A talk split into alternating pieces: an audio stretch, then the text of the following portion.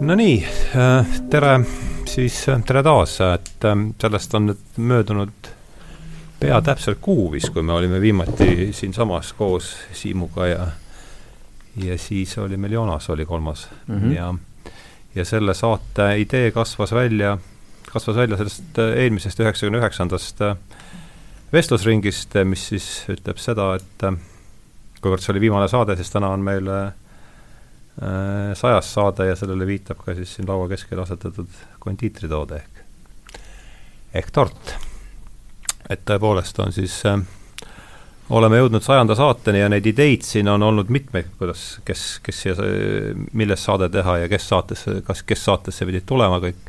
ma arvan, et on olnud vähemalt viis-kuus, aga selle õues toimuva epistemoloogilise kollapsi olukorras, mida me tunneme ka viiruse nime all, on need saated järjest ära jäänud ja, ja ja lõpuks ma võtsin sellise fatalistliku äh,, fatalistliku hoiaku, et tuleb see sajandaks saade siis, mis tuleb ja, ja tuleb teema, tuleb, mis teema tuleb ja tulevad, kes tulevad ja ja Pürfel veeres siis niimoodi, et äh, Siim on teist saadet järjest äh, saates, tere tulemast, Siim Lill.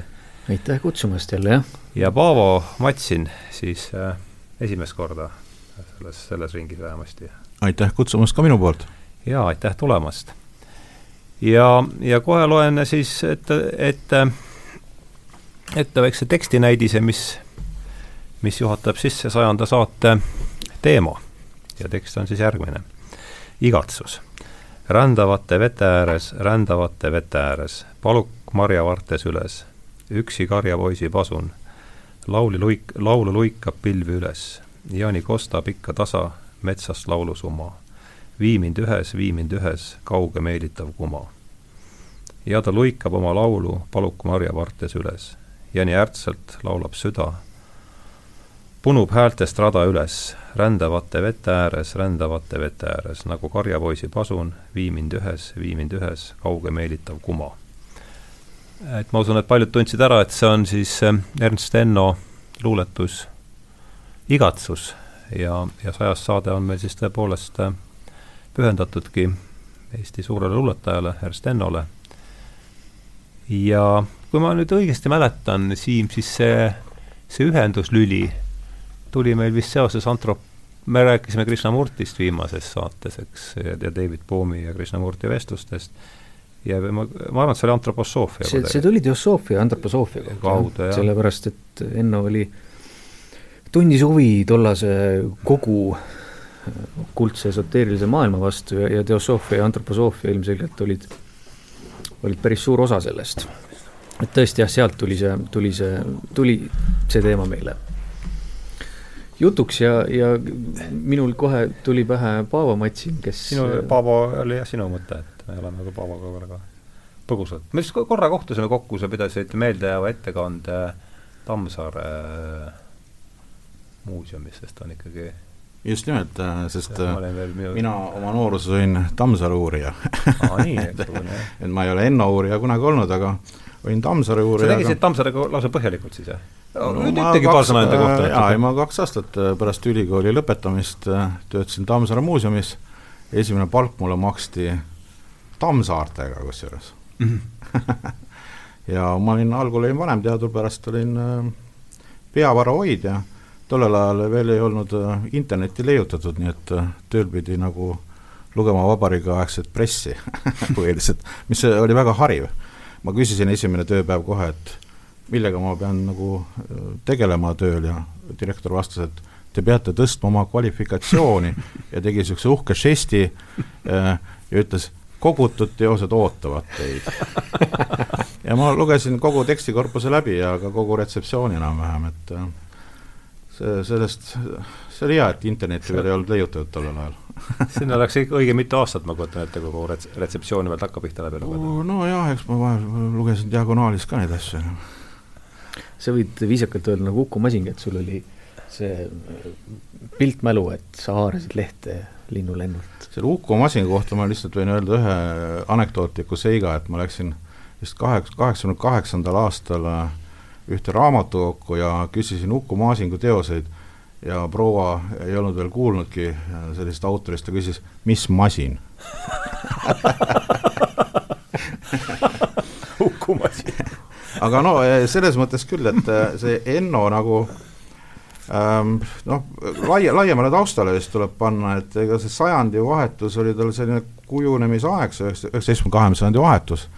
Ja, ja ja see ok-, okultne taust oli niisugune ikkagi üle Euroopa tegelikult äh, väga võimas tollel ajal, et äh, ja, ja vaata, kui tänapäeval räägitakse mingist esoteeriast või teosoofiast, siis see tundub niisugune marginaalne või kuidagi mm -hmm. niisugune äh, hinnanguline asi, võib-olla kuidagi servapealne mm. -hmm. aga tollel ajal ikkagi me unustame ära, et see oli mm, osa teadusest. näiteks Carl Gustav Jungi doktoritöö oli okultsetest nähtustest näiteks mm, -hmm. Et see oli osa nagu teadusmaailmast, seda üritati, eriti okultseid nähtusi ka üritati nagu eh, ikkagi ka teaduslikult uurida või, või see, see maailm ei, kui me ütleme tänapäeval, et Enno oli mingi teosoof või keegi, eh, siis see ei tähenda mitte mingil juhul mingit eh, sellist tolle, tolle aja mõistes marginaalsust tegelikult, vaid, vaid pigem oli see Euroopa niisugune moevool, ma ütleks mm -hmm., üheksateistkümne kahekümnenda sajandi vahetusel. Ja, ja noh, kui Ennost nagu vaadata tema elulugu ka, et, et mõnikord võib jääda tast nagu mulje, et ta on kuidagi nagu niisugune, elas nagu perifeerias, on ju, et ta elas, on ju, noh, ma päris sinna algusesse ei lähe, aga ütleme, et ta oli pikalt Valgas, on ju, ja pärast oli Haapsalus. nojah, lõpetas Haapsalus, tahtis Tartusse tagasi tulla, aga, aga, aga elutee läks, läks nagu ta läks aga ta ikkagi Tartus kuju, kujunes ikkagi nagu autoriks ikkagi Riia ajal ja see Riias ta oli tuhat kaheksasada üheksakümmend kuus kuni tuhat üheksasada neli. Ja see on just nimelt selline äh, kogu selle niisuguse okultse äh, niisuguse konteksti kõige võimsam aeg tegelikult. Ja, ja seal ta just tegelikult autoriks nagu vist kujunes minu arvates nagu. Riias Riias, jah. ja noh, kui mõelda mis ta nagu, Riias äh...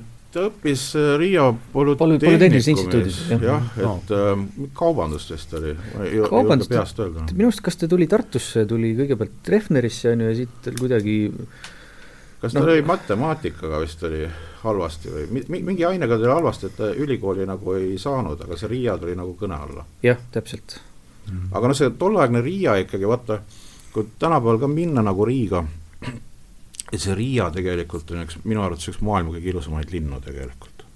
ja ta on selline ju juugendlinn mm. ja ta on just ehitatud selles äh, ajavahemikus seal tegelikult mm. suures osas sajandi lõpus, kahekümne sajandi alguses.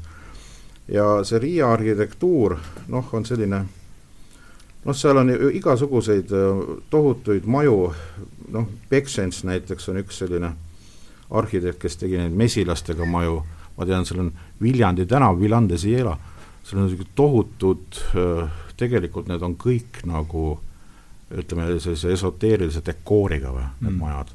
seal näiteks Viljandes elab üks äh, Sirkvitsi maja, kus on äh, uks, uks on nagu suur lukuauk, millel kahel pool istuvad nagu muusad või mingid kujud mm. -hmm.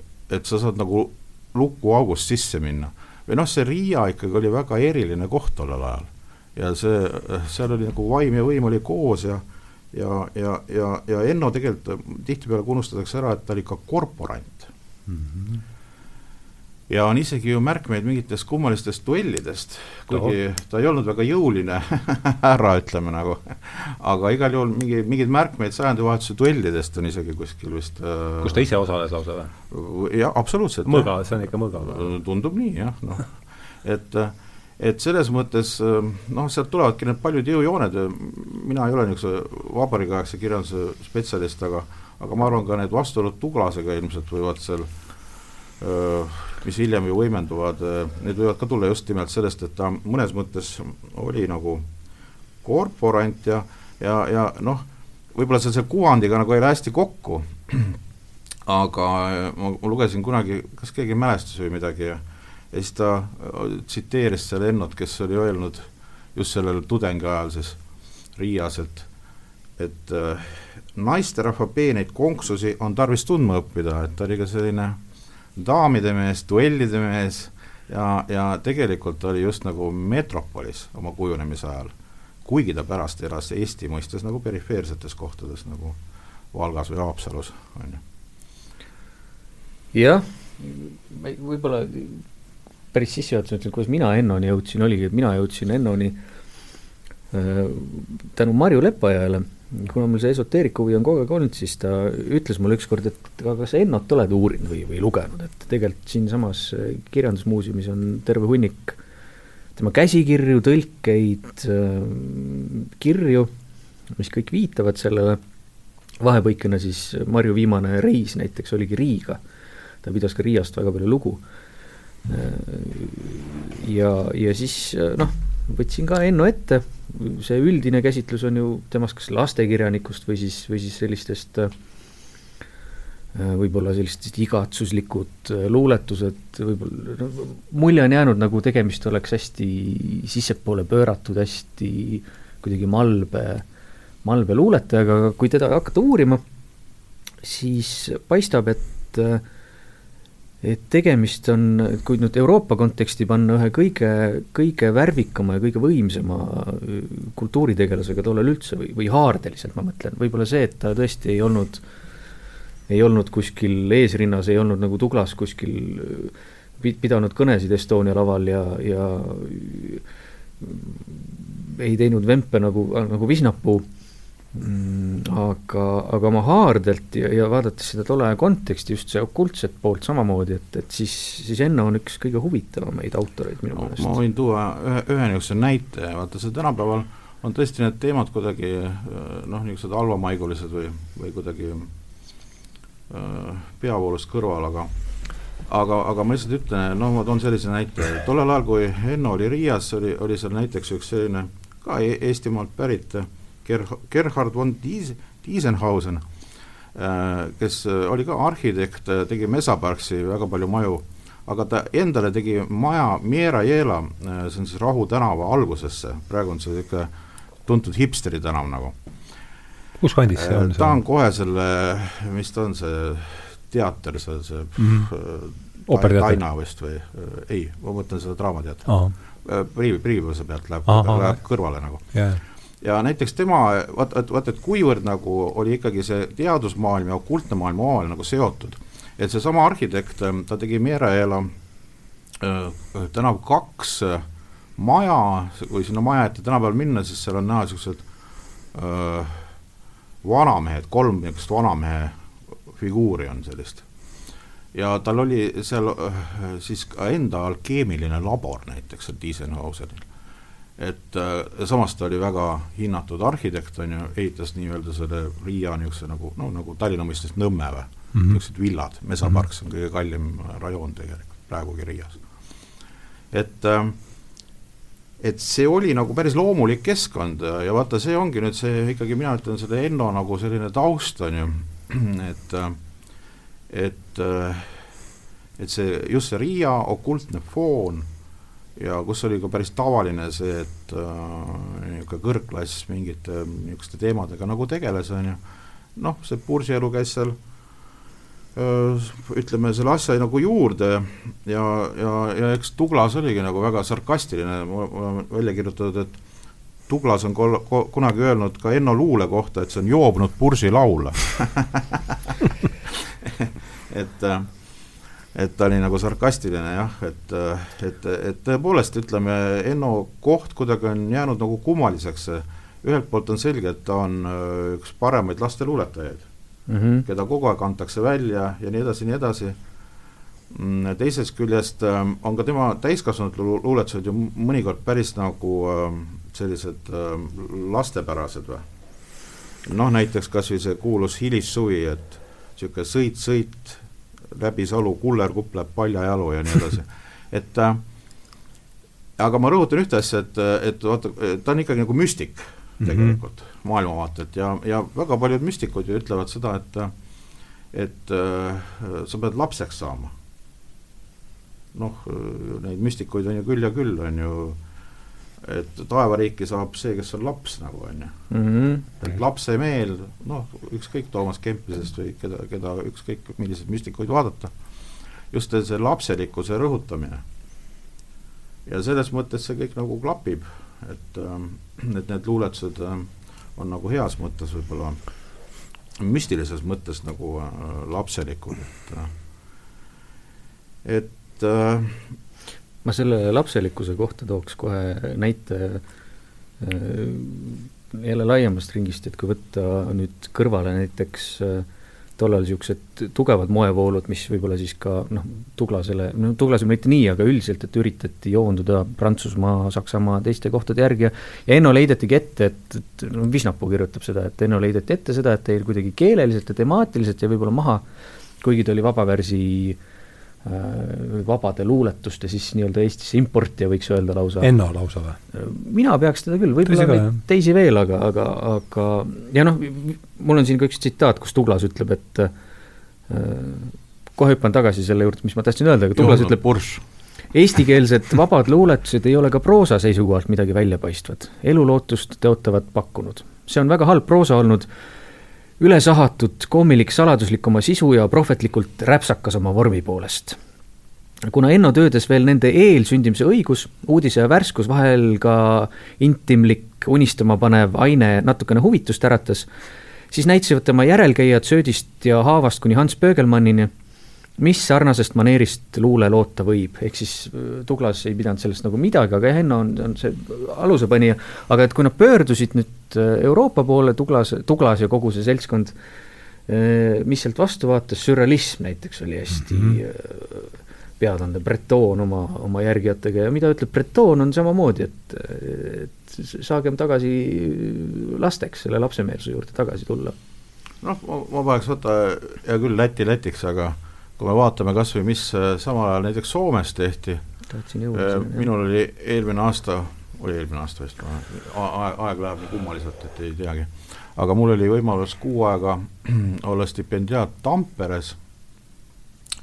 Ja ma käisin äh, Tampere äh, siis toomkirikus, väga uhke toomkirik on Tamperes, kus on kuulsad Hugo Simbergi siis need äh, pannood ja ja pildid ja seal on nagu Simberg on teinud tuhat üheksasada kuus siis sellise tohutu pannoo, mis siiamaani tekitab usklikes kabuhirmu ilmselt seal on peal siis tähendab luukered Äh, kes äh, töötavad nagu mingis imelikus kasvuhoones ja kastavad nagu lilli selliste, kui mu mälu mind ei peta mm, -hmm. roheliste tavaliste kastekannudega nagu, see on päris creepy nagu. Ja, ja noh, e-, ega see pannoo seal selles mõttes äh, tekitas ka tollel ajal nagu palju pahandust, et seal tohutult arutleti edasi ja tagasi, kas nii tohib ja ei tohi ja tehti komisjone ja aga see pannoo ikkagi, see surmaaed on selle nimi, tuhat üheksasada kuus on seal tehtud ja ma tahtsin just vaat seda öelda, et äh, Enno oli ju ikkagi ka sümbolist, on ju mm, -hmm. tegelikult äh, ja üks võimsamaid sümboliste võib-olla. ja see oli ka jällegi selline rahvusvaheline nähtus, et äh, et päris paljud Enno luuletused, noh näiteks luuletus Ma tunnen lillesid, võtan korra Ole. selle raamatu ja võin selle ka ette lugeda. loe palun jah, see oleks hea efektinäidis et äh, näiteks ma tunnen lillesid, ta räägib seal mingitest hinge lilledest, loen selle luuletuse ette korraks, aga äh, kuulajad võivad siis mõelda samal ajal just nimelt selle Tampere toomkiriku pannoole, kus sellised äh, luukered toimetavad kasvuhoones, mis on küll nagu päris ebaharilik, ütleme aga noh, väga sümboolne jälle. ma tunnen lillesid, ma tunnen lillesid, mis keegi pole näinud Neid kasvatasin oma südames. mu lilled sääl, kus ükski pole käinud, kus elan, laulan oma valguses. mu hingelilled, valged keset igatsusi, kus surevad kõik ohked tolmused, kus leian kaduvuse rannal jäädavusi ja pärliks saavad muretundmused. mu meelest on, kui oleksin ma toonud need lilled säält, kus jumaluse maa nii salatungides kui säde rändaja, need lilled nagu unenägu südamesse loonud, mis nägin, kus ei tea arvata. Nad on kui arm, mis surematust joonud. et jah, kui selliseid luuletusi nagu lugeda, päris niisuguse ebahariliku äh, sümboolikaga tõesti, Enno räägib siin lilledest, mis, mida keegi pole näinud ja mida ta on oma südames kasvatanud, siis äh, mulle tulevad kohe ette need kaktused, mida need luukered seal Tamperes usklike hirmuks äh, seal pannool juba üle saja aasta kastavad ja keegi ei oska selle pannooga suurt midagi peale hakata, tähendab. et äh, aga see ikka, ma tahan seda öelda jah, et ta oli nagu sümbolist, on ju, ja, ja see oli ikkagi ka selline rahvusvaheline ju äh, foon nagu, on ju. ja ta on üks võimsamaid sümboliste võib-olla tegelikult ja, ja päris palju ütleme, noh, võib ka öelda, et need on niisugused oma sümbolid, aga, aga tegelikult äh, võib mingeid analoog, analoogiaid Ennole kindlasti leida, kui tolleaegses kunstis ringi vaadata või ka kirjanduses tegelikult. ikka niisugused universaalsed sümbolid minu meelest, mis, mis ei tulene siis võib-olla isegi mõjutustest, vaid võib-olla siis sellest kogemusest, milleni võib-olla kindlasti ka jõuame, aga kui paralleele tuua, just Soome paralleel on tegelikult väga huvitav, sest viimase, ütleme, üks kolme-nelja aasta jooksul on hästi tugevalt, on hakatud uurima seda Soome mm, kunsti ja kirjandusmaailma modernismi ja äh, nii-öelda esoteerilisi algeid ja, ja kui vaadata, siis no näiteks Soome poolt võtta Eino Leino mm, -hmm. tegelikult mulle tundub, et väga viljakaid võrdlusi võib-olla annaks, kui võrrelda Ennot, Leinot ja võib-olla kui Inglismaalt võtta näiteks äh, Yates, William Butler Yeats, kes on teada-tuntud äh, okultist ja, ja, ja teosoof ja, ja võib-olla üks suurimaid inglise modernistlikke luuletajaid, kirjanikke ma tean, et Soome autorid on võrdlenud Leinot ja Yeatsi omavahel, et, et nüüd on viimane aeg võib-olla Enno siia kõrvale võtta. ja, ja kui vaadata näiteks Soome, mainisid Simbergi, aga näiteks äh, Kallen Kallela äh, teosed ja, ja, ja teised tollased suurnimed, et et nüüd just oli Helsingis oli, oli üks suur näitus, äh, kuhu ma kahjuks ei jõudnud tänu sellele koroonale, kus oligi välja toodud kõik tollased nii-öelda need äh, suurnimed ja nende esoteerilised sidemed, suurepärane kataloog tuli ka välja. ma ei võtnud seda kahjuks kaasa, et oli, oli näha, et seal olid ühelt poolt olid siis teosoofilised mõjud, antroposoofilised mõjud, vabamüürlus, mis tollal äh, Paavo võib-olla räägib natuke, kuidas Eestis oli, aga mis Soomes oli kõvasti kanda kinnitanud. ja, ja muidugi roosiristlikud jooned äh, millest võib-olla no, ka veel eraldi rääkida. absoluutselt, et ma tahtsin ka seda öelda, vaata, et et eks see Tuglas oli nagu püsti hädas selliste teemadega mhm. tegelikult mm, -hmm. sellest on Toomas Liiv ka kunagi äh, kirjut-, kirjutanud, et äh, et kuidas äh, Tuglas oli Enno tekstidega hädas ja Tuglas oli ju tohutu, kuidas ma ütlen, noh, kanoniseerija ja tekstide muutja ja ega see Juhan Liiv, mida, mis meil on, ega see on ka rohkem nagu Tuglase Juhan Liiv tegelikult, et need on kõik ümber tehtud, need tekstid aga Douglas oli jah püsti hädas, ta ütles niimoodi, et Enno tekstid ei ärata miskisuguseid tundmusi mm. -hmm. ja, ja, ja Liiv on, Liiv on väga noh, ma tooma professor, kadunud professor Liivist väga pean lugu ja, ja tema just nagu uuris ka teoloogia ja kirjanduse suhteid, ta oli üks väheseid tegelikult. ja ta on, ja Liiv on öelnud, et teoloogilises mõttes Douglas oli nagu noh, tal ei olnud kuulmist ja mm, -hmm. ja mhm. mõnes mõttes ma justkui see Inglismaa noot tuli ka sisse korraks, et mulle tuleb äh, meelde üks selline tegelane mm, äh, tagasi Brightseedi äh, romaanist äh,, seal on Sebast-, Sebastianil on vanem vend, Bride'i vist oli ta nimi, ma ei julge praegu peast öelda, aga äh, kes ka läks nagu seal lossis nagu äh, perekonna lossis kabelisse ja kui kabel taheti kinni panna, nad olid katoliiklased, mm, siis kõigil oli see suur traagika, aga, aga see vanem vend oli nagu minu arust nagu see Douglas, ta lihtsalt küsis, aga kas see on hea kunst? nagu see teised rääkisid, et näed, kabel pannakse kinni, me ei saa enam palvetada, aga kas see on ka hea kunst, on ju. vaata, et äh, Douglas on natuke nagu see, see materjalistist äh, Sebastiani vend selles suurepärases romaanis nagu ma... Evelyn Waugh romaanis, ma vist ennem ei öelnud autorit. tooks siia kohe kõrvale Inglismaa näite, et kui seesama Yates võtta juurde, et et Yates ise on öelnud, et kogu tema looming põhimõtteliselt tuleneb tänu, sellest, tänu sellele, et ta oli kuldse Koidiku Hermeelse ordu liige, et ta tegeles maagiaga, et ta tegeles teosoofiaga, ja kui võtta sinna kõrvale tolleaegne see retsensioon, kuidas teda siis vaadati, siis näiteks Ooden, teine suur modernist, ütles, et öö, Ooden, yeah. teda on tõlkinud ka välja taga minu meelest eesti keelde yeah.. ütles, üt-, kuskil kirjutab, et, et talle väga Yeatsi luuletused meeldivad, aga ta ei saa aru, miks see müstiline, see, see, see muda seal taustal peaks olema mm. -hmm.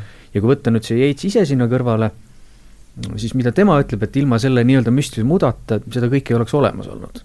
Et see on jälle see, et võib-olla me, et kui vaadata neid autoreid ennast Äh, et siis võib-olla peaks kogu kirjanduse ajaloo mingit pidi ümber kirjutama, vaadates kahekümne sajandi algust, sellepärast et meil on vahepeale tulnud, ühelt poolt on tulnud niisugune äh, ma ei tea, kuidas seda kutsuda, no mingi sihuke Umberto Eco liin, selline äh, kogu irratsionaalsuse vastane mõnitamine, ironiseerimine ja teiselt poolt võib-olla siis selline noh, autori surm, et autor kui selline ei olegi oluline. ütleks. Tuglase liin, jah, et autor ei ole oluline, samal ajal kui aut-, kui vaadata seda näiteks noh, abstraktse kunst kõrvale võtta, millega ma olen praegu tegelenud, meil ilmus Kandinski äh, raamat just hiljaaegu tõlkes väga hea järelsõna on Peeter Toropilt ja, teistelt, aga et kui vaadata Kandinski enda kirjutisi nüüd ja seda, mida ta tahtis teha, siis ta üritas teha seda, mida Rudolf Steiner üritas oma antroposoofiaga teha, ta üritas läbi kunsti, selle abstraktsete kunsti jõuda siis tegelikult mingite objektiivsete vaimsete maailmadeni, aga meie jaoks on ta praegu kuidagi suur abstraktse kunsti isa, on ju, me tõlgendame seda, kuidas tahame, sest see autor on kuidagi kõrvale jäetud et kui vaadata nende inimeste enda seda, mida nad tahtsid öelda või mida nad tahtsid saavutada, siis see on hoopis teine. okei okay,, muidugi teost võib ju nautida niisama ka, aga, aga mulle tundub, et see on nagu kuidagi kõrvale jäetud, see, see autori enda, enda tahe. no Enno ikkagi on jah, niisugune sakraalne autor ja vaata, Tuglasel seda kuulmist nagu ei olnud, et et äh, eks Tuglas ka lähenes Enno tekstidele pigem nagu mingile vormile või, aga ta nagu, nagu Liiv on ka kunagi vist kirjutanud, et äh, ta ei näinud seal, et äh, üritatakse kommunikeerida midagi või astuda kommunikatsiooni nagu lugejaga, on ju. et ega müstikul on nagu omad tegelikult rajad ja, ja Tuglasel olid nagu noh, mingid nii-öelda nagu mingid teised, teised rajad ja ta ei talunud ka hästi sellist vaba vormi, vaata Enno on küllaltki nagu vaba ikkagi mm. -hmm. rütmilised kordused ja ja ma mõtlen kogu aeg ka vaata, et äh, eks enamus inimesi ju tunnebki võib-olla Enno lasteluuletusi ja, ja siis on nagu mingid asjad, mida on tehtud nagu lauludeks, on ju, mhm. ja mida on kasutatud väga, väga geniaalselt tegelikult, eriti mulle tuleb meelde see äh, täiesti selline geniaalne Nipernaadi film, on ju kus on siis kasutatud Enno, Enno teksti. nüüd ka klassikalises muusikas järjest rohkem noored heliloojad on mulle tuli ta ka läbi Tuksamis ikkagi sisuliselt. just. aga noh, see film ka, noh, see on niisugune, et eks ta nagu vääri, väärindab seda filmi, aga film ise ka oli ka muidugi selline äh, väga hea ja seal on kõik väga paigas, kuidas äh, võite jälgida Nipernaadi filmis, kuidas ähm, kuidas äh, kuu on alati taevas, kui naised tegutsevad ja seal on väga palju niisuguseid kongeniaalseid asju ja, ja see laul noh, noh, nagu kuidagi paneb sinna jah, sellele i-le nagu punkti võib-olla. nii et noh, selles mõttes küll, et see on niisugune põhimõtteline vastasseis, ma ütleks jah, et see Tuglase ja Enno vastasseis mm -hmm. nagu mhm, väga huvitav. et ähm, et äh, ja noh, ega, ega ka tänapäeval, kui vaadata mingeid teisi autoreid näiteks, äh, kes on niisugused müstilised, siis ega nad kunagi ei ole nagu peavoolu autorid või? Ütleme näiteks, mulle tuleb kohe meelde Maara Vint, on ju, kusjuures see võib Ennot lugedes mm, tulla küll pähe, et äh, Ennol ju ka näiteks lilled on nagu elus, nad jätavad jumalaga ja räägivad inimestega ja nii edasi ja nii edasi. ja Maara Vindil ka on, on eriti nagu lillede maailm ja lilledel on nimed ja nad on nagu tegelased ja, ja mõned ka inimesed elavad läbi mingeid metamorfoose, nad muutuvad taimedeks, roosideks ja jälle inimesteks ja et see on selline müstiline maailm jah, nüüd niisugune materiaalselt seda, kui läheneda niisuguse materiaalselt tuglasliku sellise äh, vaatenurgaga, siis äh, seal nagu jääb hätta tegelikult ja, ja, ja Enno vaata äh, ka rõhutab luuletustes, on päris palju selliseid ridu tal nagu äh, ei tea mis ja imelik ja ei mõista ja, ja nagu otsitakse midagi, on ju. aga, ja siis, ja siis teiselt poolt on sellised väga niisugused, kuidas ma ütlen, niisuguseid noh, väga ma ütleks isegi nagu eestlaslikke mingisuguseid niisuguseid metafoore nagu õitelumi ja vaiksete valgus ja valgussärk ja noh, kuidas ma ütlen äh,, see on selline nagu jalutamine mingis äh, õitsvas õunaaias nagu või äh, no see on niisugused väga niisugused arhetüüpsed võimsad pildid, on ju. meistri Margarita lõpp tuleb kohe meelde. mis seal, mis seal juhtus meistri ja Margarita lõpp? kirsiaias jalutamine. ahah aga jah, et, et, et pigem, pigem ta jah, niisugune valguse lumi ja kõndimine oksade vilus ja noh, see ei ole jah, ütleme selline range arhitektuur, mida armastas võib-olla Tuglaste, et see on selline udusem, otsingutega seotud. Ja, ja mõnes mõttes vaata, mina, mina ise ei ole teosoof ja ma ka teosoofiat tunnen küllaltki kehvasti, aga, aga ühte ma tean küll, et need äh, sajandivahetuse teosoofid olid tegelikult päris nagu teravad tüübid. Äh, nad ühelt poolt nagu reformisid äh, vabamüürlust mm -hmm. ja, ja kogu see Põhjamaade, Põhjamaade selline vabamüürlus tegelikult on äh,, on nagu teosoofia Prisma läbi reformitud. ja, ja, ja, ja teine asi oli see, et noh, nagu kui me vaatame ka kas või Eestis, mis toimus, et Eestis ju tegelikult ka vabariigi ajal oli just nimelt ühisvabamüürlus ehk äkki, äkki sa teed selle vahe ka, et mis on ühisvabamüürlus? no ühisvabamüürlus on see, kus on ka naised, ta on üheksateistkümnendal sajandil loodud ja ta on nagu selles mõttes nagu reformitud mm. vabamüürlus või just see oli see, mida teosoofia väga absoluutselt, absoluutselt ja, ja ta jõudis ka Põhjamaadesse tegelikult teosoofide kaudu. ja nemad reformisid ka tegelikult kõiki neid rituaale ja asju ja, ja, ja tegelikult ei noh, nad oli, tundsid alkeemiat, see oli ikkagi niisugune tippaeg nagu, müstika tippaeg. saandevahetus just, jah? absoluutselt, ja sellel ajal ka töötati välja ju näiteks tarokaardid ja kõik need Reader White'id ja nii edasi ja nii edasi. et äh, ka, ka see, kes tegi näiteks tarokaartide kõige kuulsama kujunduse, oli tegelikult äh, kuulus äh, Ordus selle Drohhümään ehk inimõigused. sellesse üheksateistkümnendal sajandil loodud siis ühisvabamüürlusesse nagu. nii et äh, nii et neid kuidagi nagu alahinnata ei saa, pigem nagu ma ütlekski niimoodi, et selle Enno läbi räägib meile nagu tegelikult Euroopa. see ei ole küll Tuglase Euroopa mm, -hmm. see on teistsugune, see on, see on nagu kuu peidetum pool võib-olla. Aga see oli see, millega tegelikult nagu Euroopas või siis kuu vastandina päikesele vastu on see üks te teine absoluutselt, jah.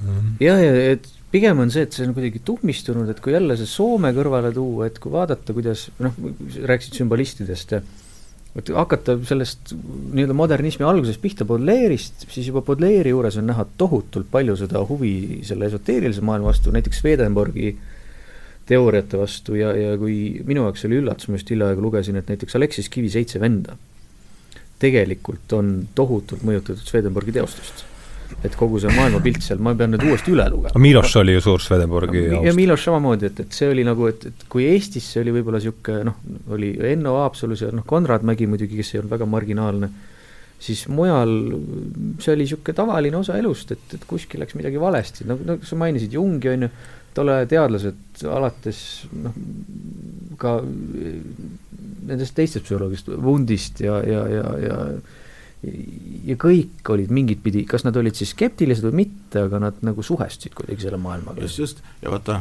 see on huvitav ju, et Gustav Suits pidas Ennot ju dekadendiks, on ju mm. -hmm. aga tegelikult ju Enno noh, ütleme mingi, mingi kujul nagu dekadent vist nagu otseselt ei ole, aga siin on jälle küsimus, et mis see dekadents on, et kõiki neid tollaseid äh, aga kõik, mis vaata tollel ajal kuskilt sealt jah, Pariisist või kuskilt sealt tuli, ega sealt tuli seda deka, dekadentsi ka, on ju vaatame kas, kas või sama jälle, kas tuhat üheksasada kuus, ma nüüd peast ütlen, võin eksida arvuga natuke, aga aga näiteks Adamson tuli Pariisist, on ju, kus oli nekrofiilia, on ju, seal ilmusid igasugused mm -hmm. surmakultusega seotud ajakirjad ja, ja Adamson tuleb ja teeb Tallinnas, meil on Russalka, on ju, see on tegelikult surmaingel, on ju see on tegelikult selline, ütleme, skulptuur, mis on Euroopas igal pool, ta on surnuaedades väike aga meil ta on hiigelsuur, on ju. Mhm. ja seal käivad nüüd ka veel, on ju, inimesed oma abielu seal. Pulma, pulmaneid jah. No kuni surmani. Nagu tunnistamas, et äh, et, et selles mõttes tõesti noh, ega sealt Euroopast tuli ilmselt nagu igasuguseid asju. Ja, ja ütleme, võis ka tulla sellist tõelist Adamsonlikku, ma ütleks, niisugust dekadentsi, on ju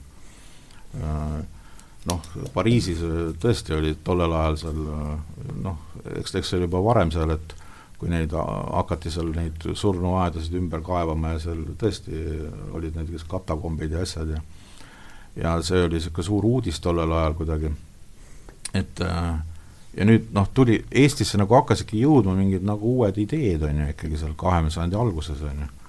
Need olid kunstiideed ja, ja, ja kirjanduse mingisugused stiilid ja asjad, on ju.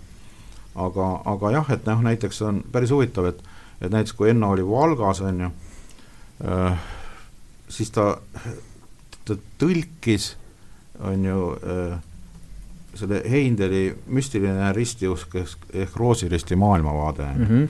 et kujutage nüüd ette ühte äh, ametnikku, õpetajat, kes kuskil tõesti istub, on ju, Valgas ja tõlgib seal mingisugust ju tegelikult noh, nagu supermoodsat asja tollel ajal ikka seda, see Heindeli roosi, roosiristusraamatut et, et ega, ega see, kuidas ma ütlen, see haridus tollel ajal oli ikkagi nii hea, et ka külakooli õpetajad lugesid originaalis Nietzsche't kuskil, on ju, talutares, on ju, et äh, et äh, kas sa äkki roosiristlust oskad ka natukene?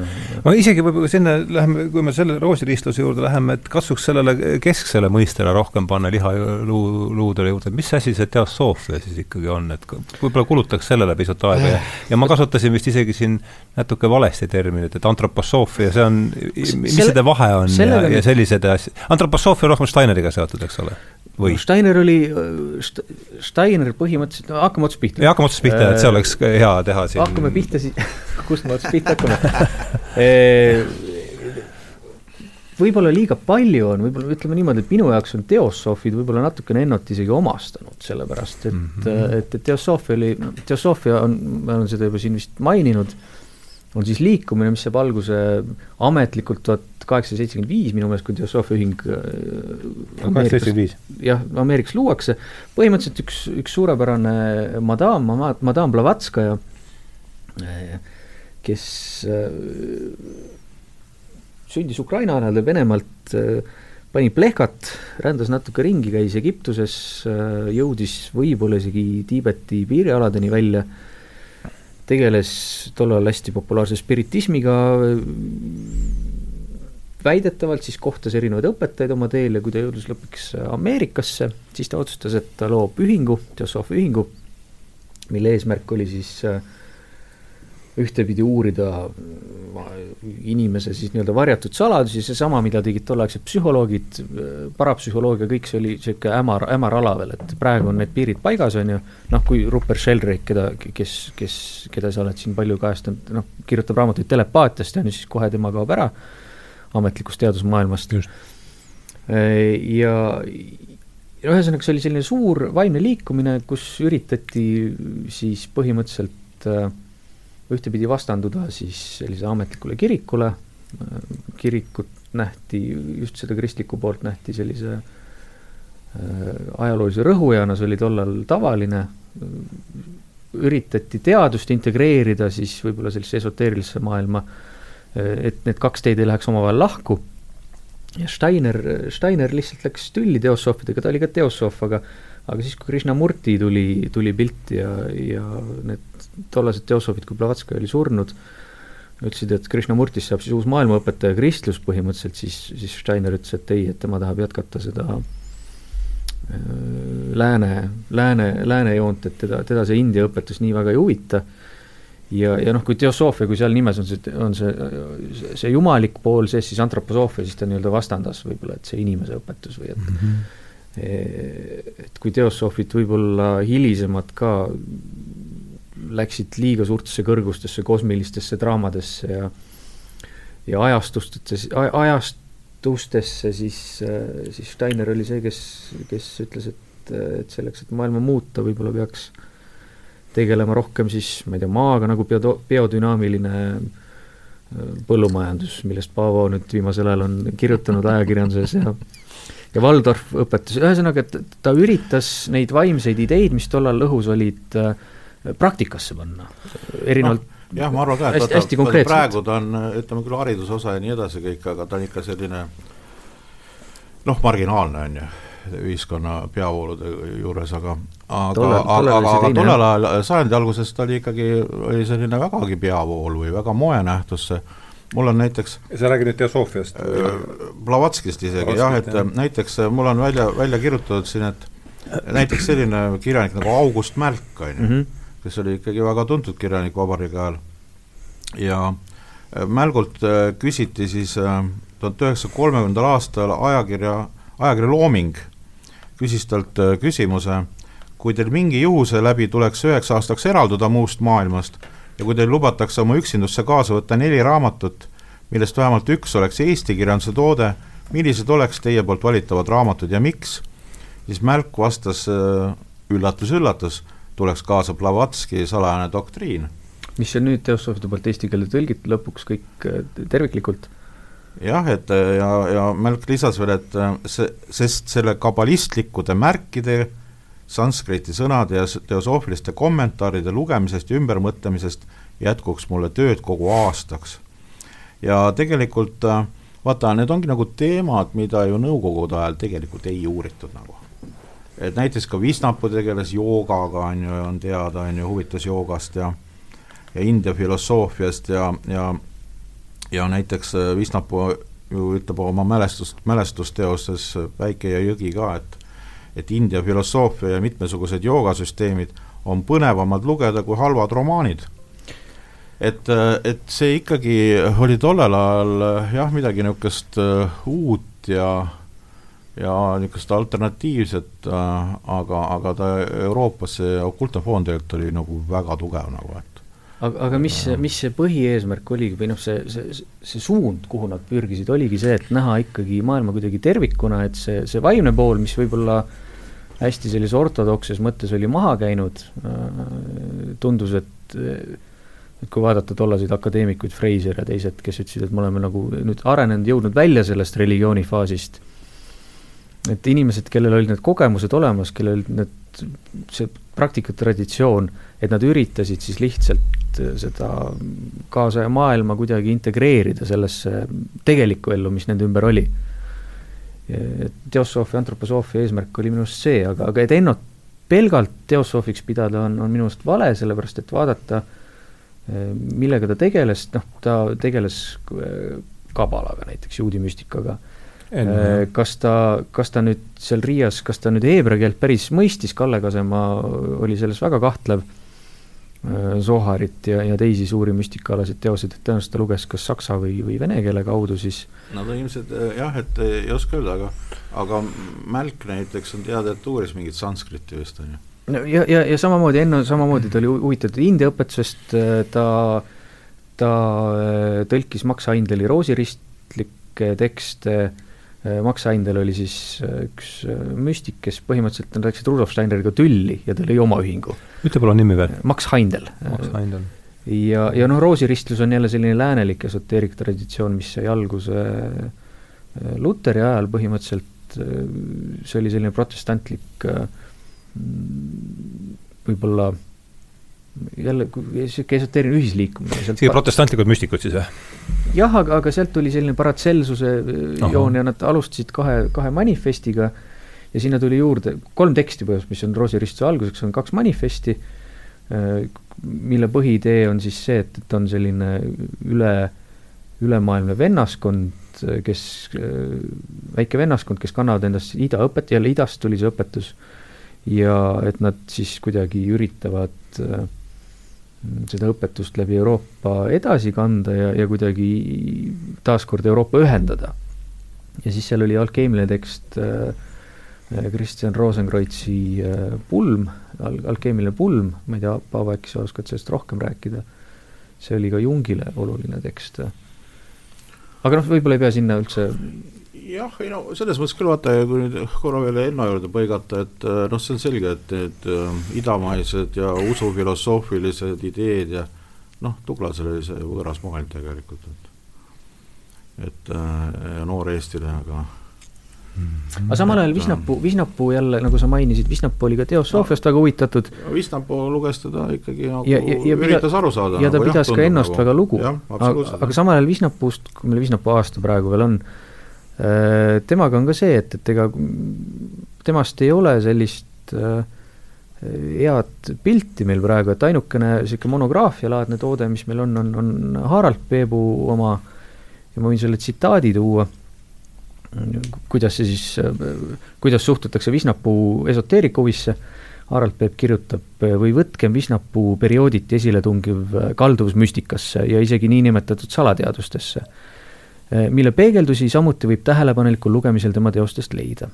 esimese maailmasõja ajal oli see Euroopas üsna laialt levinud tendents, idamaise filosoofia ja selle euroopalike värdvormide harrastajaid jätkus aga hilisemateski aastates Visnapuu jälgis kõikjal kättepuutuvaid teoseid joogade õpetuse, okultismi, antroposoofia, teosoofia üle, sealhulgas eriti Besanti, Blavatski ja Steineri omi. Vene keeles oli see lektüür vägagi kättesaadav. oma lugemust demonstreerib Visnapuu mõned aastad hiljem essees Ernst Enno üle. aga just see rõhk on sellel värdvormidel, et, et noh, et see on üks väike lõik ja lähme sellest mööda no ma ennem just äh, härra doktor Lillele näitasin äh, Besanti äh, teost, mis on eesti keelde tõlgitud ja mm -hmm. mis on nagu superkujundusega, niisugune juugendlik ja nöör, nöör, nöör on köit, eks, ja seal on mingid juugendmustrid ja, ja see on eesti keeles välja antud. ja mis ajast umbes? no eks ta sealt kahekümnendad on kuskil vast, ma arvan. ei siis... olnud nagu meil aastaarvu vist, me ei leidnud kohe või? eks muidugi selle saab kätte, aga aga Besant kuulus ka tegelikult äh, Le, Le Droit Humani, ta oli üks juhtfiguure selles ühisvabamüürluses et, et mis ma tahan just öelda, on see, et ega, ega need mis teie eesnimi on? Anni, Anni. Anni, jah. Et e-, ega need nagu need Need ideed tulid siia päris võimsalt ikkagi, ma ütleks, et tõlgiti teoseid nagu. Pesanti kohta võib veel öelda, et tema oli Blavatskaja siis järglane Teosoofi ühingu eesotsas ja ta oli omal ajal temast ma pole midagi kuulnud. kõige, kõige tuntum oraator äh, Inglismaal, ta organiseeris äh, siis õmblejate äh, selliseid marsse ja ma ei, mida kõike ta organiseeris, ühesõnaga ta oli niisugune, ta oli Bernard Shaw väga hea sõber, ta, teda kardeti ja siis, siis sellel hetkel noh, ütleme, tal elu oli ikkagi, tundis niisugust tühjust ja ükskord, kui ta Blavatskajaga kokku sai, siis on neid kirjeldusi umbes, et kus ta viskus siis Blavatskaja jalge, et ütles, et, et, et nüüd ma olen oma selle tõelise missiooni leidnud ja, ja jätkan sellega. No nad olid hästi tugevalt muidugi ka India, India vabastusliikumise juures äh,, iseseisvumispüüdlu, püüdluse juures, et Gandhi oli tegelikult teosoofilistest ideedest päris palju mõjutatud mm. -hmm. mis muidugi jälle nii-öelda need traditsioonilised India suunad võib-olla siis hästi irooniliselt äh, suhtuvad nii Besanti kui, kui, kui Gandhisse, et just see, et selline võib-olla jälle selline läänelik värdvorm ma olen, ma olen lugenud päris korralikku kriitikat, üks ah jah, see on jälle nojah, aga teisest küljest äh, noh, kogu sellele kokteilile või spektrile veel tuleb lisada ka selline noh, sellega aeg, kus nagu kogu psühholoogia, noh eriti ka ju-, jungilik psühholoogia nagu tohutult arenes, on ju mm. -hmm. ja, ja, ja ka ütleme, ega näiteks tuhat üheksasada viisteist ilmub Meerinki Koolem, on ju, mis on niisugune bestseller ja tohutult, ähm, tohutult müüb ja ja seal tegelikult ka kirjutatakse nagu neid vanu müüte äh, kuidagi uuesti ja päris moodsalt nagu ümber, et, äh, et see ütle palun see teos või? Meerinki koolam, Gustav Meerinki äkki sa Gustav Meerinkist räägid natuke pikemalt, sest see oli üks Ernst Enno mm -hmm lemmikautoreid. Äh, ja ma sain aru, et ta isegi äh, midagi tõlkis. ta on tõlkinud Po In Ra ühe raamatu eessõna, mille, mille Meering kirjutas, Po In Ra on üks okay. eraldi saksa müstik, kellest Gennadi Noa, kes on ka tegelikult Ernst ennast hästi palju kirjutanud, hästi, väga hästi kirjutanud ja rääkinud temast. aga jah, ma tahtsin seda öelda, vaata, et äh, ja need on tegelikult päris moodsad teosed, kuigi need on nagu üle saja aasta mm -hmm. möödas, on ju, noh näiteks see, see Koolem Äh, noh, selle aluseks on tõesti võib-olla need äh, Praha vanad legendid, on ju, mingisugusest savist mehe, mehest, äh, kelle rabid äh, ellu äratavad, nad panevad talle siis suhu äh, paberilehe äh,, see on niisugune heebreakeelne sõnade mäng, seal on nagu ähm, meet on surm ja emeet on elu vist või? ma nüüd Heebrea-keelt pole kakskümmend aastat enam tegelenud, aga aga põhimõtteliselt äh, vabandame Anu ees. jah, et seal saab äh, nagu selle savist mehe nagu üles äratada, aga näiteks kui Meeringit vaadata ka, tuhat üheksasada viisteist, nüüd kui ta asub oma koolemit kirjutama, mis on ju siiamaani müüakse tegelikult kõikides lennujaamades ja Tšehhis igal pool neid igas keeles kas see on eesti keeles olemas või? absoluutselt jah, aga ta on tõlge vabariigiaegne muidugi. ja sealt on sealt on lühendatud. lühend, kõvasti lühendatud, jah. aga, aga selles mõttes, et, et nüüd, kui Meering hakkab seda kirjutama, siis tema tegelikult, tema jaoks on koolem psüühiline nähtus mm.. see on teatav mingi, mingi alateadlik psüühiline kollektiivse, kollektiivne niisugune alateadlik mingisugune jõud, mis kuskil getos nagu tekib mm. -hmm. ja ta ei ole mitte see savist mees nagu. et, äh, et mis ma tahangi öelda, on see, et äh, tegelikult see oli päris tormiline areng ka seal psühholoogias ja kõiges ja tulevad mingid uued mõisted, Jung hakkab, on ju, äh, oma, oma kogu seda aparatuuri nagu öö, paika panema ja kõiki neid al alateaduse noh, mitteteadusega seotud kollektiivse mitte, mitteteaduse mõiste näiteks ja nii edasi ja nii edasi kas on tuhat üheksasada seitseteist vist või, fikseeritakse esimest korda. kusjuures räägi lõpp. aga, aga noh, selles mõttes jah, et, et ega, ega noh äh,, kuidas ma ütlen, et mõnes mõttes võib mõelda, et äh, tohutu mingid tolmused ajad ja mis nad seal ikka nagu tegid ja nii edasi, aga nagu ega nagu ei olegi midagi nagu väga pärast seda, ega see inimese psüühika noh, kirjeldati mingil kujul nagu ära, on ju, ja ja ega, ega väga palju rohkem noh, võib seal kirjutada mingeid ja arendada edasi mingid arhetüüpide õpetust pärast Jungi surma ja nii edasi ja nii edasi, aga ega, ega see on noh, see analüütiline psühholoogia on jäänud muidugi ülikoolidest siiamaani ikkagi välja, vaata, ta on ikkagi, on omad instituutide võrk, mis tegeleb sellega ikkagi ja nii edasi. aga, aga ütleme nii, et, et mingisugused väga olulised mõisted nagu fikseeriti seal just nimelt selles sajandi alguse maailmas mm -hmm. Ja, ja, ja need, ja need ütleme, need mõttevoolud või asjad noh, ketravad mingil kujul siiamaani tegelikult. jah, Jungi puhul, kui vaadata kahekümne sajandi alguse Eesti kirjanikke, siis äh, käisin Haapsalus suvel, oli Enno, mis aastapäev meil nüüd oli, ma vaatan äh,. mis aastapäev meil nüüd oli? Aa, sada nelikümmend viis, saja neljakümne viienda sünniaastapäeva tähistamine ja, ja siis seal oli väljas niisugune väike näitus. möödunud aastal või, sel aastal? nüüd sellel aastal Aha. suvel jah, hauale istutati kirsipuud jälle taaskord, kui ta suri, siis ta palus, et oleks kirsipuud haual, aga need olid välja läinud, nüüd on, nüüd on jälle no, olemas. Bulgakov oli siis? jah, kaks ilusat kirsipuud ei, üks sai vist.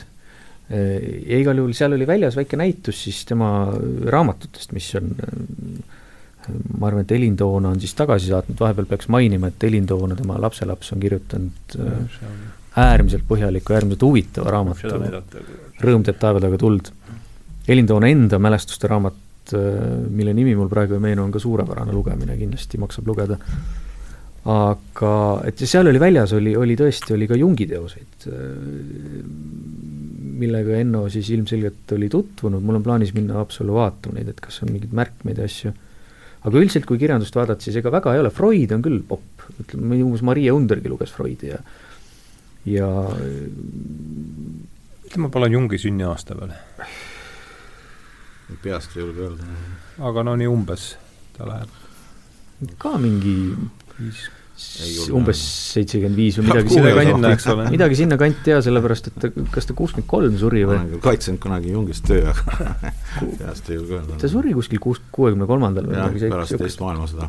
aga noh, vaata, selle, selles mõttes ongi, et ega seda Ennot ei, nüüd Ennot tuleks jah hakata nagu uurima, ma ütleks, et, et Nõukogude ajal ikkagi seda nagu uurida ei saanud, ma arvan nii tegelikult, et tekstid meil olid, aga aga kogu see äh, kogu see taust nagu sellele ikkagi siit nagu väga äh, ligi ei pääsenud. ja, ja, ja selles mõttes noh, mulle tundub küll, et Enno, Ennot on ju ka päris hea uurida, et näiteks, näiteks kui me uurime Jungi või kedagi, siis meil on juba väga palju niisuguseid tabuteemasid seal üleval tegelikult Jungi, Jungi puhul, mis ta ka seal võib-olla enne teist maailmasõda tegi ja mingid, ta ju tegelikult jõudis ju arhetüüpideni erinevatel rassidel ja nii edasi, mingite teooriateni aga, aga mulle tundub, et noh, Ennot nagu saaks uurida küll ja Blavatski puhul on sama, et, et mida talle ette heidetakse, on see just, et ta hakkas tegelema võib-olla liiga noh, Jung tegi niisuguse ju kavala pöörde, et pärast teist maailmasõda sai aru, et kuidagi peab ennast nüüd nagu puhtaks pesema ja ta pöördus alkeemia poole ja võttis sealt kõik ütleme, põhjendused oma teooriatele, aga tegelikult ta teise maailmasõja ees ju pidas ju loengut Saksamaal ja igal pool.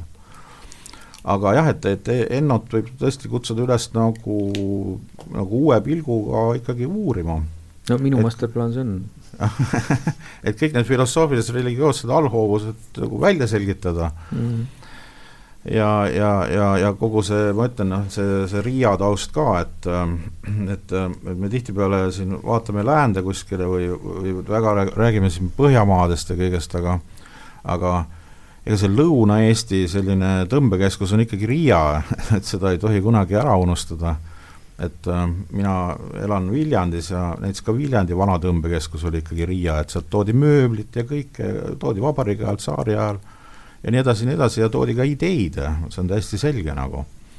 et, ähm, et ma arvan jah, et, et, et see, see Riia aeg on nagu küllaltki, küllaltki nagu oluline ja selles mõttes ka, et et ma veel kordaks selle üle, et, et vale on teda vaadata kui mingit perifeerset autorit, kuigi ta elas pärast tõesti Valgas ja Haapsalus kuskil, aga ta kujunes tegelikult ikka selles kohalikus metropolis. Mm. -hmm Äh, mis tollel ajal nagu äh, noh, oli oma niisuguse arengu tipul, ma ütleks, on ju, seal ehitati kõvasti, seal olid rahvuslikud ideed, aga, aga otsiti ka okultseid esoteerilisi asju, see kõik on seal ju arhitektuur, arhitektuuris siiamaani olemas tegelikult, on ju. et äh, tohutult on ju majadel kirju ja sümboleid ja ma kunagi ühe ennast on halb tsiteerida, aga ma olen pika artikli kunagi kirjutanud äh, jalutuskäigu Riias tegelikult, kus on äh, ka kümneid-kümneid maju tegelikult seal üles loetletud, mis just tollel ajal, kui Enno oli äh, Riias, just siis ehitati ja, ja mitte lihtsalt ei ehitatud maju nagu tänapäeval, mingid Lasnamäed või siin Tartu Raadit või ma ei tea kus siin see ehitus käib, aga et ehitati ikkagi ka, pandi niisuguseid äh, nagu seal tordile neid küünlaid, et äh, pandi ka huvitavaid ja mõtlemapanevaid äh, mingisuguseid vihjeid näiteks äh, mm, fassaadidele ja ja alkeemilist sümboolikat on palju äh, Riias. Ja on ka, on ka täitsa kummalisi asju, näiteks on ka Baba Yaga näiteks Gogoli eelal näiteks. mida ta räägi lähemalt, mis?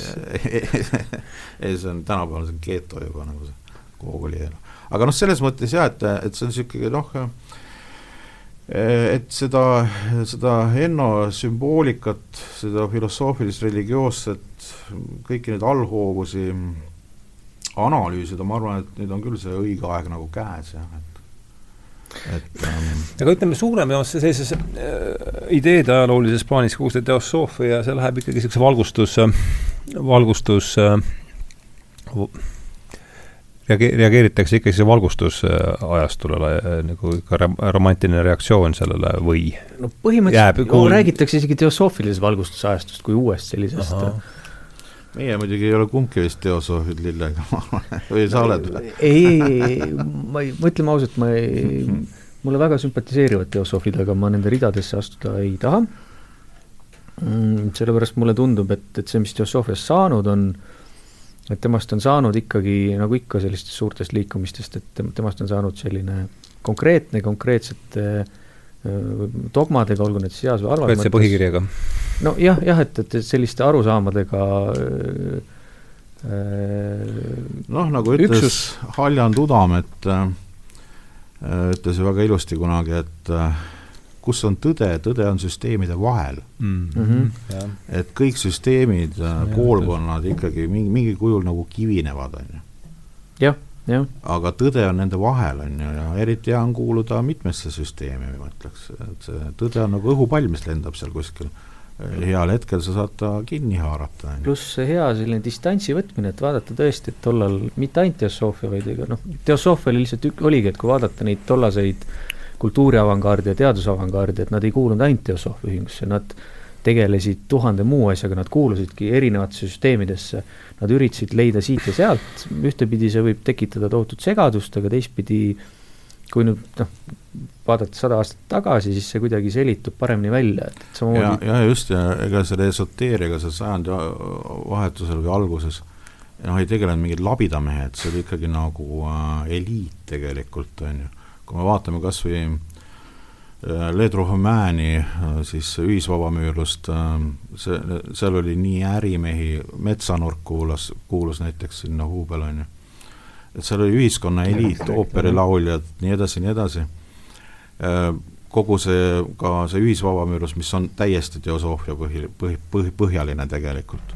see tuleb, on ju, Soome kaudu, aga Soomesse ta jõuab läbi Taani printsessi, kes oli teosoofia.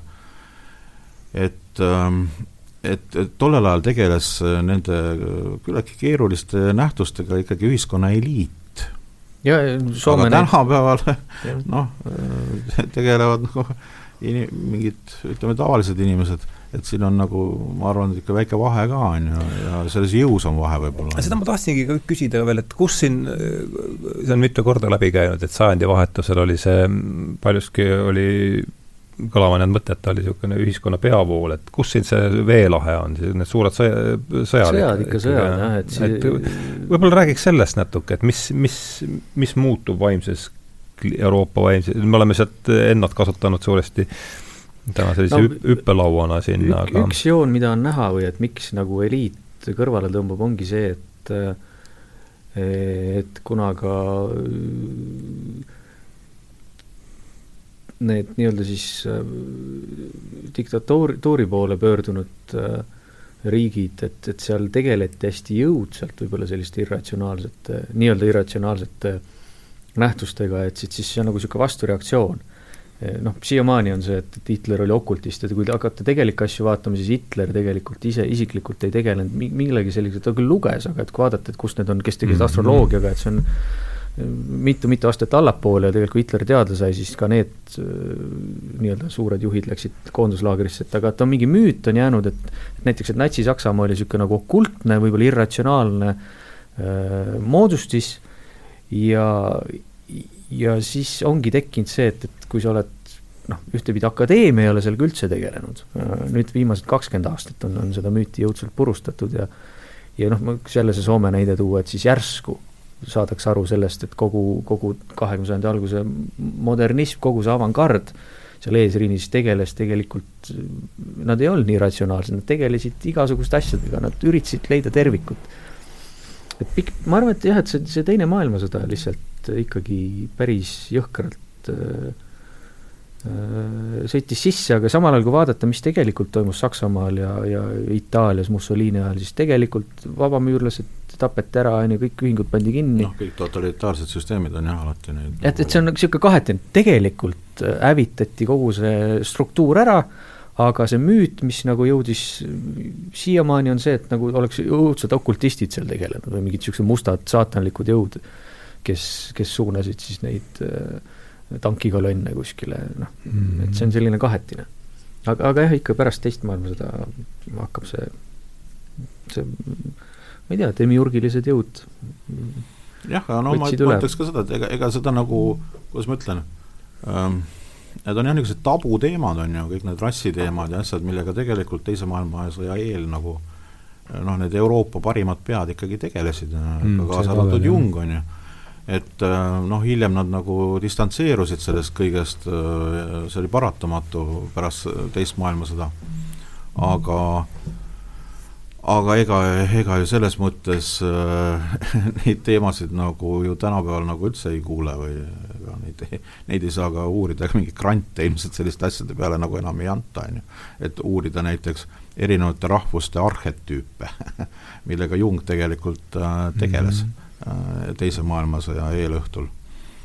ta oli jõudmas, ta oli kõik oma mõisted fikseerinud, on ju, ja ta oli jõudmas äh, arhetüüpide erinevuseni erinevatel rassidel, noh, tahaks näha mingit teadusajakirjandust nagu sellist artiklit tänapäeval nagu avaldab, on ju. või siis, kui lihtsamalt öelda aga see on ju väga loogiline mõte tegelikult, on ju, et, et neil ilmselt on erinevad arhetüübid tegelikult ja mis seal siis nagu salata seda.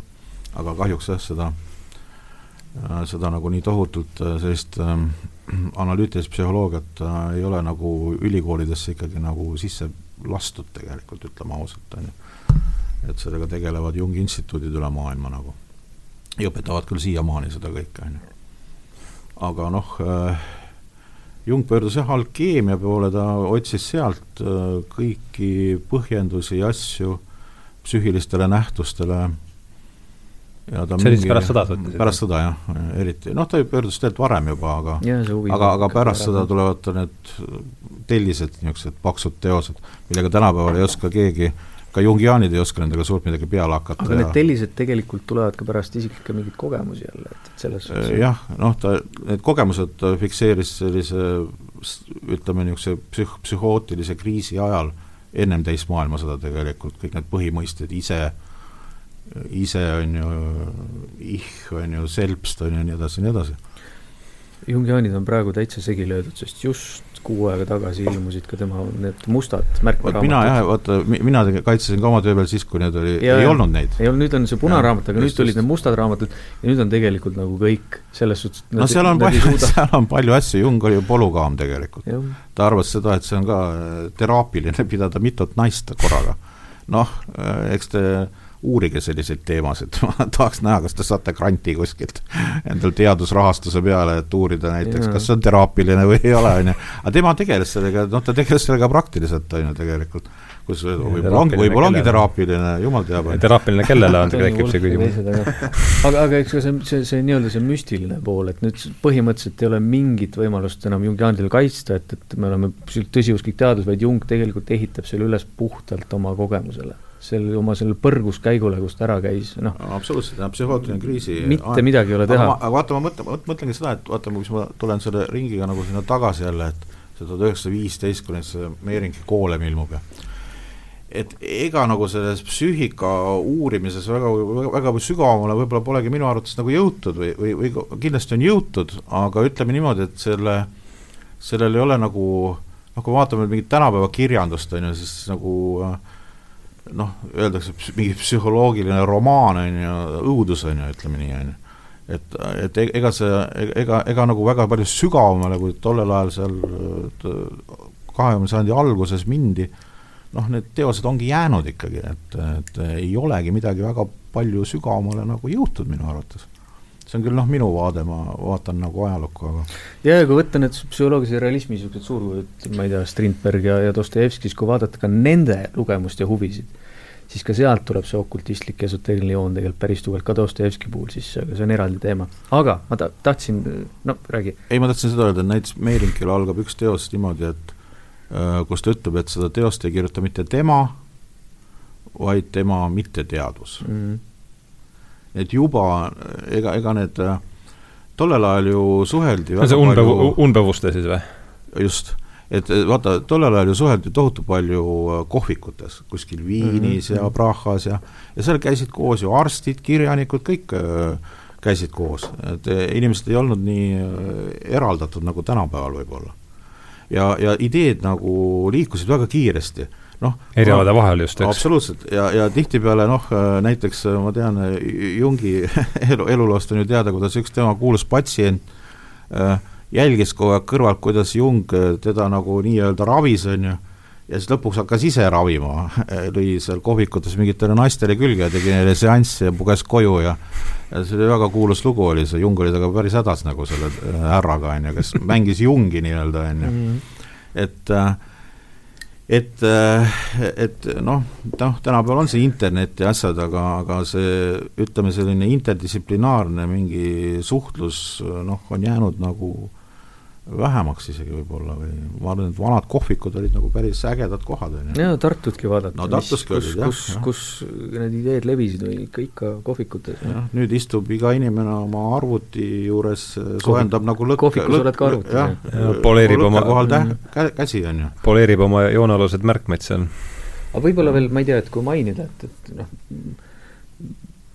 miks mina oma jutuga alati näiteks selle kahekümne sajandi alguse puhul lähen selle esoteeriku peale, mitte nüüd, et see oleks olnud valdav kogu aeg, et need kõik need Ennod ja, ja muud, et neil seda muud elu oleks olnud, kui Ennot vaadata, millega ta tegelikult, ta tegeles igapäevaselt ju, ta oli koolinõunik, on ju, tal üritas siin nii-öelda rahvast valgustada ja nii edasi, nii edasi, et see on lihtsalt tegelikult üks elementaarne osa elust, mitte et ta oleks nüüd valdav haaranud, aga see on nagu tervik et lihtsalt sellesse tervikusse nagu see mingi tahk juurde tuua. jah, me oleme täna sellele keskendunud ja, ja, et ja. pigem oleme kasutanud tõesti Ennot, ütleme sellise ja, ja hüppelauana sellesse teemasse, kui et tead, ei taha tõesti jätta muljet, et see jah, et mitte, et, et see tegemist oleks, oleks niisuguse täiskohaga müstikuga. jah, jah, ja et ja hästi tugevalt peab eristama seda, et, et mis oli tollane, et kui praegu noh, vaadata iga teist esoteerika ajakirja, kus räägitakse teadusest ja ma ei tea, noh, umbes need, kui seal Vabaduse platsil kogunesid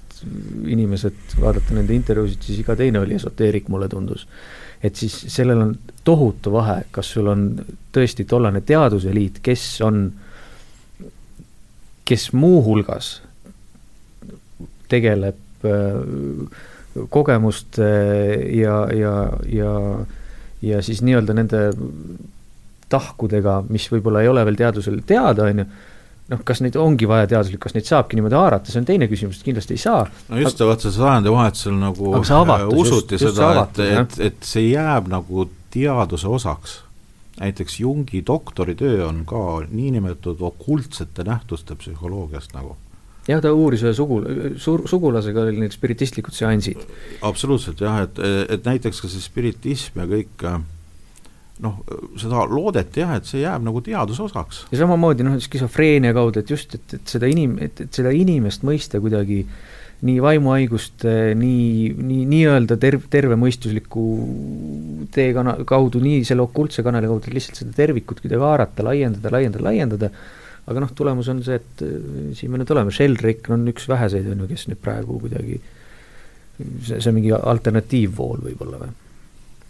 Noh, ei ole imestada, et see Douglas neid hämaraid meeleolusid ja uduseid un-, unistusi, nagu ta ütles kunagi Enno esimese kogu puhul, on ju, et ta ei, ei osanud neid hinnata, jah. aga Enno puhul ma toon veel hea näite, et see justkui see Jungi puhul tuli see põrgus käimine, et, et on minu meelest üks huvitavamaid äh, diskussioone see kirjanduskriitikas. Äh, sajandi algusel on see, arutati selle üle, et kas Enno siis jõudis valgustatuseni või mitte. mis on hästi kummaline, Visnapuu ütleb, et, et, et ta tõesti jõudis ja siis Kangro sekundeerib ja siis Sööt, Karl-Eduard Sööt kirjutab niimoodi. Äh, see käib siis vist luuletuste kohta, mille Enno kirjutas Valgas, kui ta töötas pangaametnikuna, Sööt kirjutab, nende nähtuste tagajärjel jõuame otsusele, et Enno suurema osa oma luuletisi ometi hariliku sureliku kombel maha kirjutas. see tähendab ilma iseäralik, iseäralise inspiratsiooni, resp ilma hämarusmeeleolu uima taotlemiseta. sest ei saa oletada, et tal võimalik oleks olnud pangas, olgugi kas või kõrvalruumis, vaiba all inspiratsiooni tuletada, enne kui ta luuletama hakkas. ei ole mõeldav, et äh, et seal äh, rahaasutistes, kus inimesed alati eksitamas, Ennol oleks kunagi võimalus avanenud oma luuletiste juures pikemalt peatuda. liiati seks veel mingisuguseid ettevalmistusi teha ilma kaasametnikude tähelepanuta.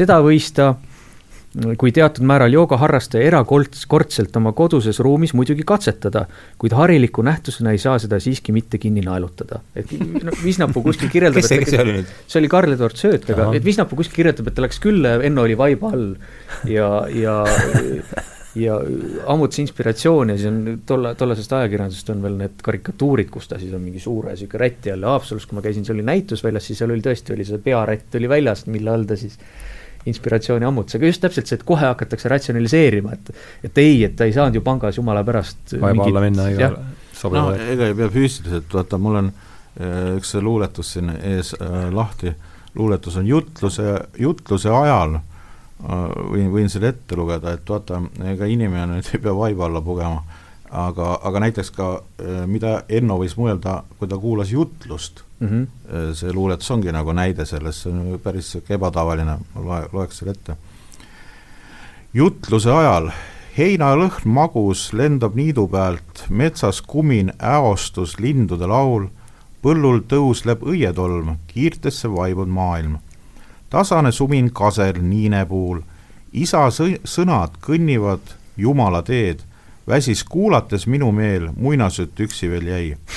Haldjas tasa tuleb niidu poolt, kaarnakivi kannab ta sammaldanud käes, surub kivi mu südame, kivi see minule jääb. et äh, mõte läks rändama? Äh, mõte läks rändama jah, et äh, et, et eks ta, eks ta ikka otsis midagi, midagi, midagi muud ja noh, selles mõttes on see huvitav, see kivi, et ja seal on kaarnakivi, noh, see ongi niisugune alkeemiline kivi ja ja samas näiteks, kui me võtame lahti Meerinki koolemi tuhat üheksasada viisteist best, bestseller, mis ilmus, algab äh, teatava traktaadiga kivist. ja kivi üleüldse on nagu niisugune keskne Euroopa müstika niisugune sümbol või? et, et, et mm, -hmm. et, et ja vaata, see ongi, eks, eks see on niisugune dissonants ka või äh, kuidas ma ütlen, et et äh, idamaine müstika just nagu üritab ilma igasuguste esemeteta hakkama saada. Lääne müstikale on iseloomulik äh, asjad ja esemed tegelikult. ja siin ongi noh, niisugune, mida ka need teosoofid noh, tegelikult ilmselt pidid kuidagi oma mõtetes või üks Valga kooliõpetaja pidi seal äh, oma mõtetes nagu lahendama seda vastuolu, on ju. Äh, ühelt poolt on ju on hea, on raamaturiiul, kus on Nietzsche on ju ja asjad, sul on ju niisugune vana, vana, vanaaegne ilus raamaturiiul ja paar portselankuju, aga teisest, teisest küljest tahaks nagu vaibu alla pugeda, on ju, ja mitte midagi näha, on ju. et ega seal ongi niisugune, see ongi niisugune ida ja lääne müstika, et ega lääne inimesel ongi selle idamaise müstikaga küllaltki keeruline tegelikult. Jung on ju sellest kirjutanud ka päris palju. jah, et ja, ja kui vaadata, miks Teosoofi ühing tegelikult paljuski nagu hakkas murenema, oligi just see, et, et päris mitmed helged pead ütlesid, et, et me tahame seda oma lääne, lääne joont ajada. See oli, Steiner, ma mäletan, oli see, kes no Steiner, aga neid oli Jung, teisi veel. Jung on väga konkreetselt hoiatanud äh, idatee eest. Äh, ahah, väga, räägi palun lähemalt sellest. kui ilmus äh, mul ei tule autor meelde, aga ilmus see ähm, Wilhelmi just see, see lill või kuidas see pealkiri oli, see kuldne kuldne lill. mis on Enno raamatukogus olemas kusjuures, jah. just, just e,. siis Jung kirjutas ju sinna vist eessõna mm -hmm. ja, ja ta hoiatas eriti, tähendab, kõige rohkem Jung hoiataski selle eest, et hea küll, inimene võib idaasjadega tegeleda mm. -hmm või Hiina asjadega, mingite ja ta ise, ise oli elav näide sellest, et ta tegeles eluaeg nendega. aga, aga, aga ta ei tohi siis minna veel tagasi nagu Euroopa müstikasse jälle, et see jätab nagu psüühikale Jungi arvates nagu suured jäljed. ja, ja noh, mul tuleb alati meelde see Jungi see kuulus Aafrika, Aafrika, kuidas ta Aafrikas paanikasse läks, kui seal nägi mingeid tantsijaid, on ju. et noh, et äh, ega see ida, kuidas ma ütlen, see idamaise õpetuse maaletoomine, noh, tänapäeval tegelevad sellega materiaalse poolega igasugused kõikvõimalikud ma ei tea, mingid joogaõpetajad siin Eestis, aga tegelikult on ju üks vaade ka see, et äh, kui inimene äh, vaat lääne müstikas äh, keha väga nagu ei rõhutata mm. -hmm. see on, aga aga ida, ida tegelikult ütleme, kõik need suured joogaharrastajad, kas nad nii kõrgele tõusevad, et selles mõttes sa võid jääda nii-öelda nagu öeldakse, kui sa joo-, joogaga tegeled, ütleme eri, eriti siis ma mõtlen mingeid asanasid ja asju, et sa jääd nagu kehasse kinni, vaata, võib-olla. sa tegelikult tegeledki kehaga ju.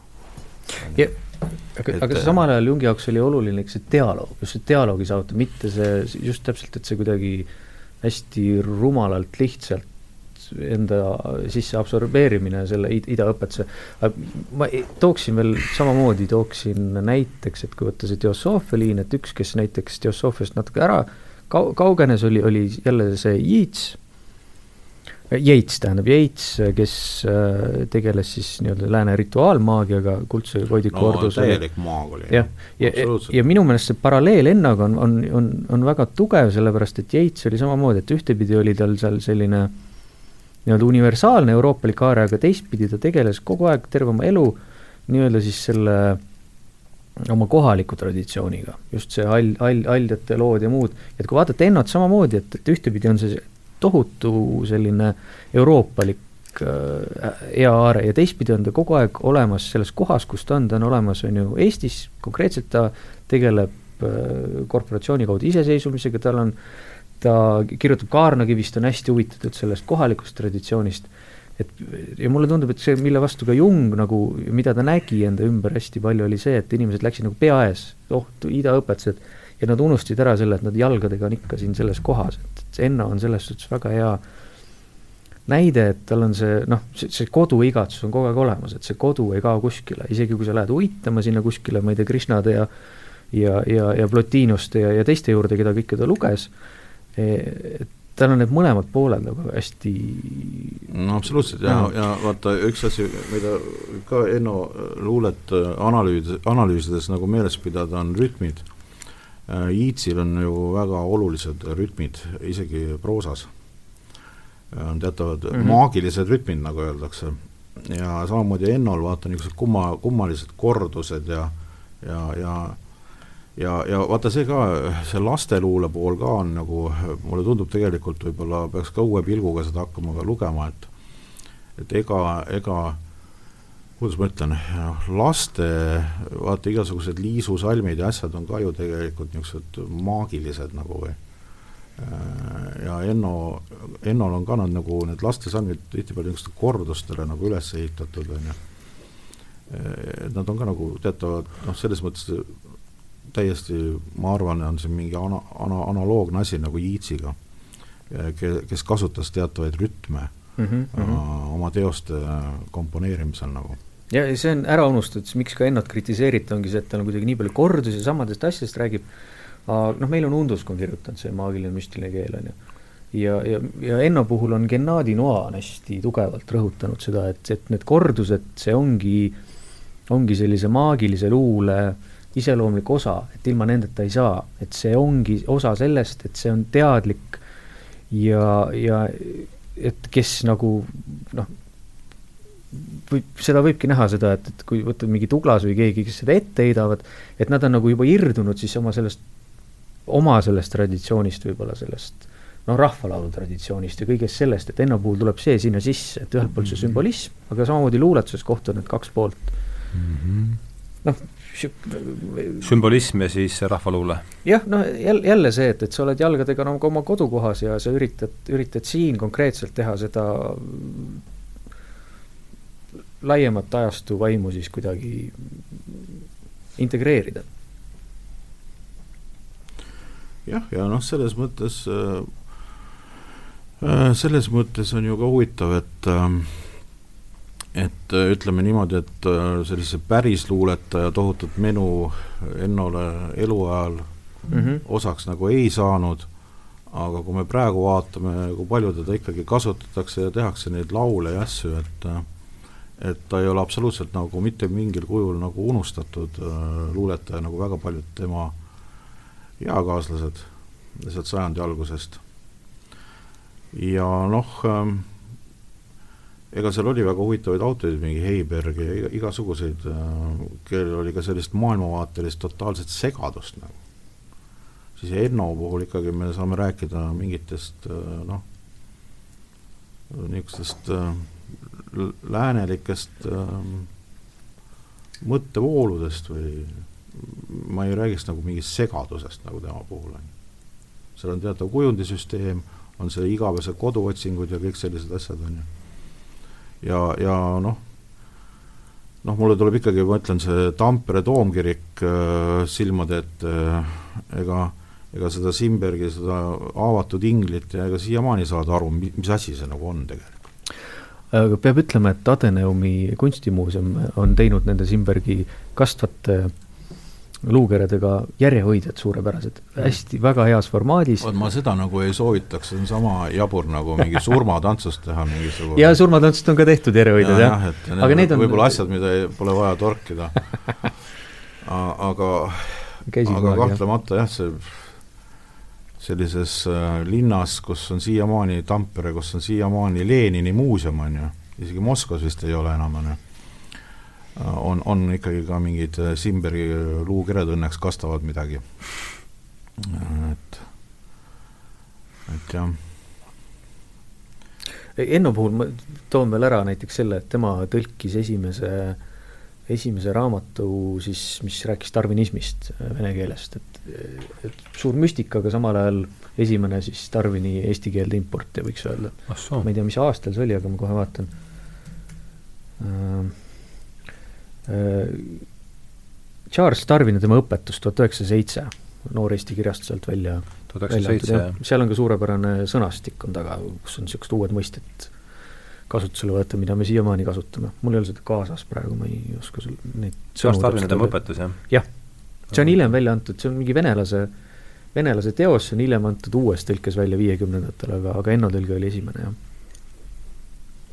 tõesti esimene niisugune populaarteaduslik raamat mm. -hmm. et jälle selline elav näide sellest tolleaegsest äh, müstikahuvilisest, et, et ühtepidi see müstika, teistpidi kogu aeg eesrinnas ka teadusmaailmas, nojah, ei tohi vaata nendesse väga nendesse iseloomustustesse kuidagi jah, väga nii kinni jääda või et äh, vaata, Tammsaare kohta ka kogu aeg korrutatakse, et ei olnud spordihuviline, tegelikult Tammsaare oli päris hea ujuja, käis jalgpallivõistlusi vaatamas Kadriorus ja nii edasi, on ju. et noh, ei ole mõtet mingit kuvandit mhm, tohutut mm -hmm. luua, ega me päris täpselt äh, seda maailmapilti noh, ju taastada ei suuda, aga aga noh, meil on tekstid, on ju, ja kuigi ta nendes täiskasvanute luuletustes on pigem nagu otsija, siis noh, laste luuletustes on ta nagu omadega kohal, on ju. Ja need on ikkagi selline täielik äh, kullavaramu nagu on ju, et no kena, meil hakkab siin poolteist tundi täis saama, et nüüd on aeg meelde tuletada, et see vestlus saab ka läbi ühel hetkel, et et kui nüüd tuua see, need teemad, millest me oleme kõnelenud äh, siia tänapäeva tagasi, et et siin on kaks teemat, millest võiks rääkida, sa, Paavo, mainisid siin mitu korda, et või paar korda vähemalt, et et Enno uurimiseks on aeg küps. see on nagu kitsam teema, aga teisest küljest kui laiemalt, et mis see, mis võib-olla jah, et arutleksin viimase veerand tunni jooksul selle üle, et mis see viimase aasta kogemus meile äh, on näidanud äh, teie arvates selle, ühelt poolt siis selle müstika ja äh, ratsionaalsuse ja, ja, ja irratsionaalsuse vahekordas lääne-ida, ütleme kõik need, need teemad, suured teemad, mis meil siit täna on on, on läbi käinud, et minu meelest ei ole midagi muutnud suures plaanis, et kõik on ikka samasugune, et võib-olla jah, Veneetsias kuskil ujus delfiin, aga maailm laulab joobnud pursilaulu ikka, ikka, ikka täpselt sama laul on hea, et selles suhtes nagu noh, et muutunud võib-olla see, et osad inimesed on muutunud optimistlikuks, et midagi muutub. aga, aga reaalselt me oleme ikka samal kursil, mulle tundub, et, et ei ole noh, noh, lollust on võib-olla rohkem näha olnud vahepeal jah, ma ei tea. Aavo? ma noh, ma arvan ka vaata, et, et et nüüd ongi nagu hea kodus uh, uurida asju tegelikult ja luge, lugeda pakk, pakk, pakse luulekogusid ja nüüd on, nüüd on see aeg nagu käes, on ju. et äh, siis see pole vaatamise aeg. aga tegelikult on Netflix ja chill, on ju, et no, paljud, paljud ikka, ma ei tea, kui paljud siis nüüd võtavad selle Enno kätte ja no mina näiteks võtsin. no mina ka võtsin, aga ma võtsin ka enne. nagu ammu lugenud ja, ja, ja ikkagi tuleb nagu enda jaoks neid tekste mingi hetk nagu üle lugeda, aga aga ma arvan jah, et teda tuleb nagu vaadata selles äh, rahvusvahelises kontekstis. ja, ja siis ta võib-olla ei olegi nii, äh, nii arusaamatu ja no, kõigil on mingid põhjused, on ju minagi, kes ma praegu tegelen sellega akadeemiliselt, et võib-olla muutunud on nii palju, et, et mingid äh, sa kirjutad praegu ennast midagi või? ma loen teda kogu aeg ja ma olen kirjutanud ja kirjutan ka, jah. aga et, et muutunud võib-olla nii palju, et, et kui enne võib-olla siis mingid sellised äh, kohtumised olid kättesaamatud, et hästi paljud inimesed on kuidagi netile ümber suunatud, et, et minu jaoks on nagu koju kätte tulnud seda dialoogi rohkem. et, et kui enne võib-olla tõesti oli kuskil, ma ei tea, Amsterdamis said, said inimesed kokku ja rääkisid, siis nüüd nad on selle kaameraga üles pannud ja, ja tõesti noh, see ei ole ka nii, kui vanasti olid need mingid veebiosalused olid hästi kallid, et tõesti oli sul mingi seminar, sul pidi mitusada eurtsi välja käima, et siis see tõesti nüüd võib-olla Amsterdami ülikoolis muideks on ka esoteeria kateeder minu no täpselt, jah. Ja. või noh, jah Tartu Ülikoolis veel ei ole. No küll tuleb, küll tuleb.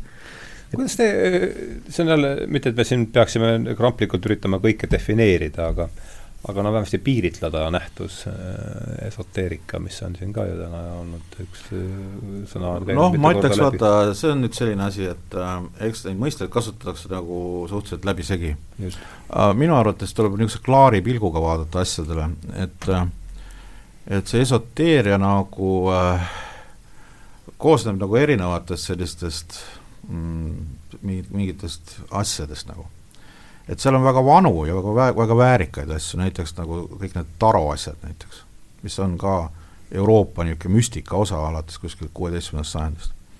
ja siis seal on mingid, näiteks mingid ka väga väärikaid niisuguseid joogasüsteeme, okei okay,, mis on küll toodud idast, aga ükskõik. ja siis seal on mingi, mingi täielikku träni nagu, mis on jumal, jumal teab, kuidas kokku pandud ja, ja välja mõeldud. et, et ei, ei saa kuidagi nagu suhtuda nagu äh, et tuleb nagu vahet teha. seal on, see esoteeria alla pannakse tänapäeval ka väga väärikaid asju, mis on nagu Euroopa taustaga ja nii edasi, on ju.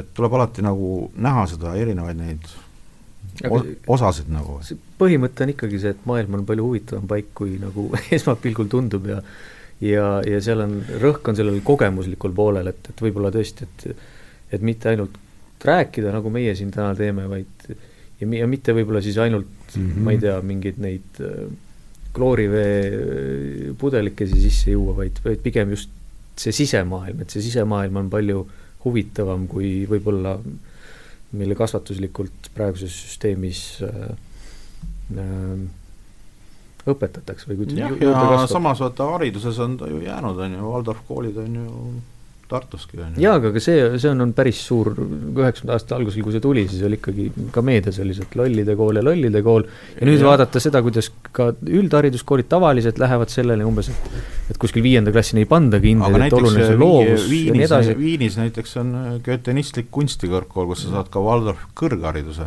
et sa peaks ikka käima nagu algusest kuni lõpuni sa ei tohiks nagu hüpata järsku kuskile teise süsteemi, on ju. ja, ja kust Waldorf kool jälle, alguses oligi see, et konkreetselt äh, Steinerilt paluti ja see, need ei olnud mingid suvalised inimesed, kes palusid, vaid tolleaegne eliit palus, et kuule, et noh, äkki sa aitad meid. et sa oled nii palju rääkinud oma nendest ideedest, aga et kuidas me saame siis nüüd niimoodi oma lapsi kasvatada, noh no see Steineril on igasuguseid ideid. ei, tal on sellest, ta oleks, ta oleks väga eri, eriti, eriti huvitavad on tema mingid õpetused surnutega suhtlemisest nagu ja sellest näiteks, et kuidas, et vaat see on selles mõttes tore, et me oleme täna siia kogunenud, on ju, et Steineri õpet-, seal on ju vähemalt ta mingi hetk niimoodi õpetas, et et sa saad ka teispoolsuses nende samade inimestega suhelda, kui sa oled surnud. ja sellepärast on hästi hea olla mingites kummalistes seltskondades, on ju, et need seltskonnad nagu peegelduvad lõpuks ka üles, on ju. tal on nagu väga kummalisi selliseid ja elu lõpus on tal vist kuus köidet on need, kus ta lihtsalt näitas seda, kuidas ma ei tea, umbes Karl Marx on ma ei tea, kelle, kelle ümbersünd, et et nagu ikka, kõik inimesed on mitmetahulised ja, ja päris palju on sealt sellist, mida noh, isegi antroposoofid ise, nii palju kui neid Eesti omasid teada, osad ei ole sellega tegelenud ja, ja võib-olla noh, see ei olegi vajalik, et nagu ikka, inimesed on mitmetahulised ja nojah, aga seda träni on ju vagunite viisi ka eksoteerikas, et neid, neid äh, diplomi- ja doktoritöid, mida peale kom-, eksamikomisjoni pole ja. keegi lugenud, et neid ega ennast on kindlasti ju kaitstud ka Nõukogude ajal asju. kusjuures väga palju ei ole. ei ole või? igal juhul noh, niisuguseid ütleme nagu mingi peda lõputöid on kindlasti tehtud. no seal on lihtsalt alati öeldud, ta oli teosoof mm. -hmm. aga mida see nüüd täpsemalt noh, nüüd võiks juba seda avada ikkagi nagu väga mitmekihiliselt. no täna see vestluse käigus me sellele võib-olla ikkagi natukene jõudsime lähedale, et mida see lause üldse võiks tähendada, et enne oli, enne oli teosoof, ma arvan, et seda, seda ma, minule, kes, kelle jaoks see teema on suhteliselt tundmatu, sai küll natukene, probleemistik vähemasti mm -hmm. omandas mingi kuju, et noh, asi seegi esimeseks sammuks, ma usun, et võib-olla oli teisi, teisi kuulajate hulgas ka kedagi sellist võib-olla jaba ja Ilmamaa on õnneks välja andnud ka Enno luuletuste koondkogu, nii et kohe on hea lugeda ja uue pilguga jah, ja kui, ja kui Covid ära kaob, siis saab minna Riiga jalutama, see on needsamad tänavad, kus mm -hmm. Enno seal jalutas tegelikult, on ju, kõik on ju alles ja jah, Läti õlu on väga hea. ja kuuleb joobnud purside laulu. täpselt lõpetuseks, päris viimase ringina tahaks, üks mõte, mis meil oli esimese hooaja viimane saade, oli vist Schrödingerist, oli see vist esimene, ikka vist, Erwin Schrödingerist ja temal on üks, üks mõte, mida ma olen siin paar korda tsiteerinud, viimasel ajal küll vähem, aga et et see päri, pärineb tema sellest aine elu on, ei mm, -hmm. oli vist aine elu, jah. et, et lääne filosoofia vajab äh, ma ei tea, mis see täpselt see adverb seal oli, et lääne vaja, lääne filosoofia vajab tingimata verevahetust is-, idast, aga et see, et see protsess ei saa, et see ei saa olla liiga kiire, sest kiire taandumine positsioonidelt, mida on hoitud üle kahe tuhande aasta, on ohtlik, et noh, mälu järgi tsiteerisin praegu, seal on kindlasti, et ol, ol, avaldage arvamust veel selle kohta ja siis tõmbame et see kuidagi tundub haakuvat tänase, tänase jutuajamisega. kuigi, kuigi näiteks, näiteks mina, ma tegelen küll igapäevaselt nagu joogavõimlemisega aga ma olen ikkagi nagu, ikkagi nagu absoluutselt nagu lääne müstika nagu traditsiooni jätkaja. et mina pigem nagu suhtun eitavalt idast tulevatesse asjadesse kahjuks. aga räägi põhjusest ja, ja, ja, ja üldse vahest. ma ei näe nagu põhjust tegeleda, kuna lääne müstikaga nagu tegeletakse kuidagi vähe, näiteks mingi alkeemiaga või mm. ja, ja, ja et see on tegelikult lääne meditatsioon on alkeemia nagu kuidas kuidas palun, lääne meditatsioon absoluutselt. alkeemia? absoluutselt, jah. anna sellele lausele palun natukene rohkem liha luudele. et äh, on olemas ju kõik traditsioonid läänes, nendega lihtsalt on kuidagi ära unustatud ja haaratakse niisugust äh, vahendatud mingeid idaasju nagu. et ma oleks ka päris kriitiline igasuguste niisuguste koolituste, ma ei hakka nimesid nimetama, kus kasutatakse mingeid idalikke niisuguseid meetodeid, on ju, inimese psühholoogia vaatlemisel ja mida Eestis ka tehakse nagu. et äh, ma oleks nagu jah, kriitiline natuke. et ma, mina, mina olen küll nagu niisugune, ma arvan, et lääne müstika on nagu väga lahe, ta on, ta tuleb raskemini kätte ja mm. ja need õpe, õpetusahelad nagu on katkenud, aga aga kuna alkeemia on põhiliselt pildiline olnud, mul on näiteks kodus tumm raamat, kus on ainult pildid, kus üldse tekst ei ole oluline. seal ei olegi teksti tegelikult, on kogu alkeemne protsess, sa võid ju vaadata neid pilte ja ja mediteerida, miks sa pead mingeid idaasjadega tegelema, et see on minu, minu jaoks nagu absurdne natuke. kuigi noh, tervise seisukohast on joogavõimlemine hea. ma arvan ka, et teed iga päev või? mina teen iga päev, jah. kui palju? no ma ikka kakskümmend aastat olen teinud juba. aga kui palju sa pühendad sellele? ma, ma teen niisugust hommikuvõimlemist koos kassiga no. kass üles, kass alla ja siin sama, sama mõte veel kommenteerida? no ühtepidi ma arvan, et osadele see sobib, see ida, ida asi muidugi sobib, aga, aga siis tõesti, siis tõesti neile, kes nagu lähevad sinna ka süvitsi sisse, aga, aga ma arvan, et mida Schrödinger mõtles, Schrödinger ju käis ka minu meelest, kas ta ei käinud seal Eranose kokkutulekutel ja mis oli kogu seal Jungi ja, ja selle Eranose ja kogu selle pundi mõte oli pigem see, et tekiks dialoog ja just nagu Paavo ütles, et see lääne traditsioon on ta on heitlik olnud, ta on kandunud edasi sageli piltide kaudu, sageli tekstide kaudu, vahel spontaansete ärkamiste kaudu, et pigem leida sellest idast võib-olla siis äh, seda julgustust ja võib-olla ida paralleelide kaudu hoida oma traditsiooni nagu elus, et, et, et see pigem, pidev dialoog, aga mitte seda, et üks sööks teise ära või. Mm -hmm. noh, praegu on see, et noh, ilmselgelt lääs sööb ka ida ära, et, et aga see on selline äh, see on pigem eksoteerikas. ja, jah, jah, et, et see on lihtsalt selline jah, kapitalistlik ärasöömine, et et pigem, et hoida, hoida just seda mingit varjatud pärandit või, või jah, aga, aga ma arvan ka, et nagu, nagu nagu Enno ja, ja nagu Jung, keda me siin tõime, et pigem seda lääne traditsiooni üritada siis ka aga ma, ma võin ühe asja lõpetuseks hästi positiivse asja ka tuua, mis selle Covidiga oli, et no. et mina, mina küll äh, see aasta juulikuus tegin äh, superreisi Viini ja Prahasse, nii nagu ikka, kõik oli tühi ja ma sain äh, üle pikkade aegade käia ka mööda neid tõeliselt turistitrack'e nagu, kus muidu nagu ei taha üldse minna. sa saad nagu tühi Karli sild tähendab, kõik on tühi. ja tegelikult äh, ega vaata, inimesed äh, nagu äh, tunnevad tegelikult kuidagi asju ka südamega, näiteks äh, ma lugesin ühte statistikat hiljuti, kui Mekas käib kaks pool miljonit inimest, siis Prahas Karli sillal arvatakse, käib kuskil üheksa miljonit aastas. et ega see on ka palverännu koht nagu, et et noh, kõike nagu võib-olla ei saa alati ju ka noh, sõnadest nagu nii väljendada, inimesed ei tea, aga mingi seletamatu igatsus neid sinna nagu kuhugi viib, on ju, ka kaubanduskeskuste kõrval on ju, ütleme nii, mis on tänapäeva templid nagu. jah, noh sellest seletamatu igatsusega me siin täna sama jutuajamist alustasime, et siin on võib-olla hea koht, kus selle, kus see asi kokku tõmmata, et minul on jah, see ka Enno sai just selle Jaagu lauldud igatsusega lähedaseks. et äh, lähme lahku sellise hämara meeleolu ja uduste unistustega. jah, see kõlab nii ilusasti ei ole halb, ei ole halb üleskutse tänase jutuajamise lõpuks, eriti kui vaadata, mis siin akna taga on juba hämarust äh, äh kapaga, kapaga mm. võtta.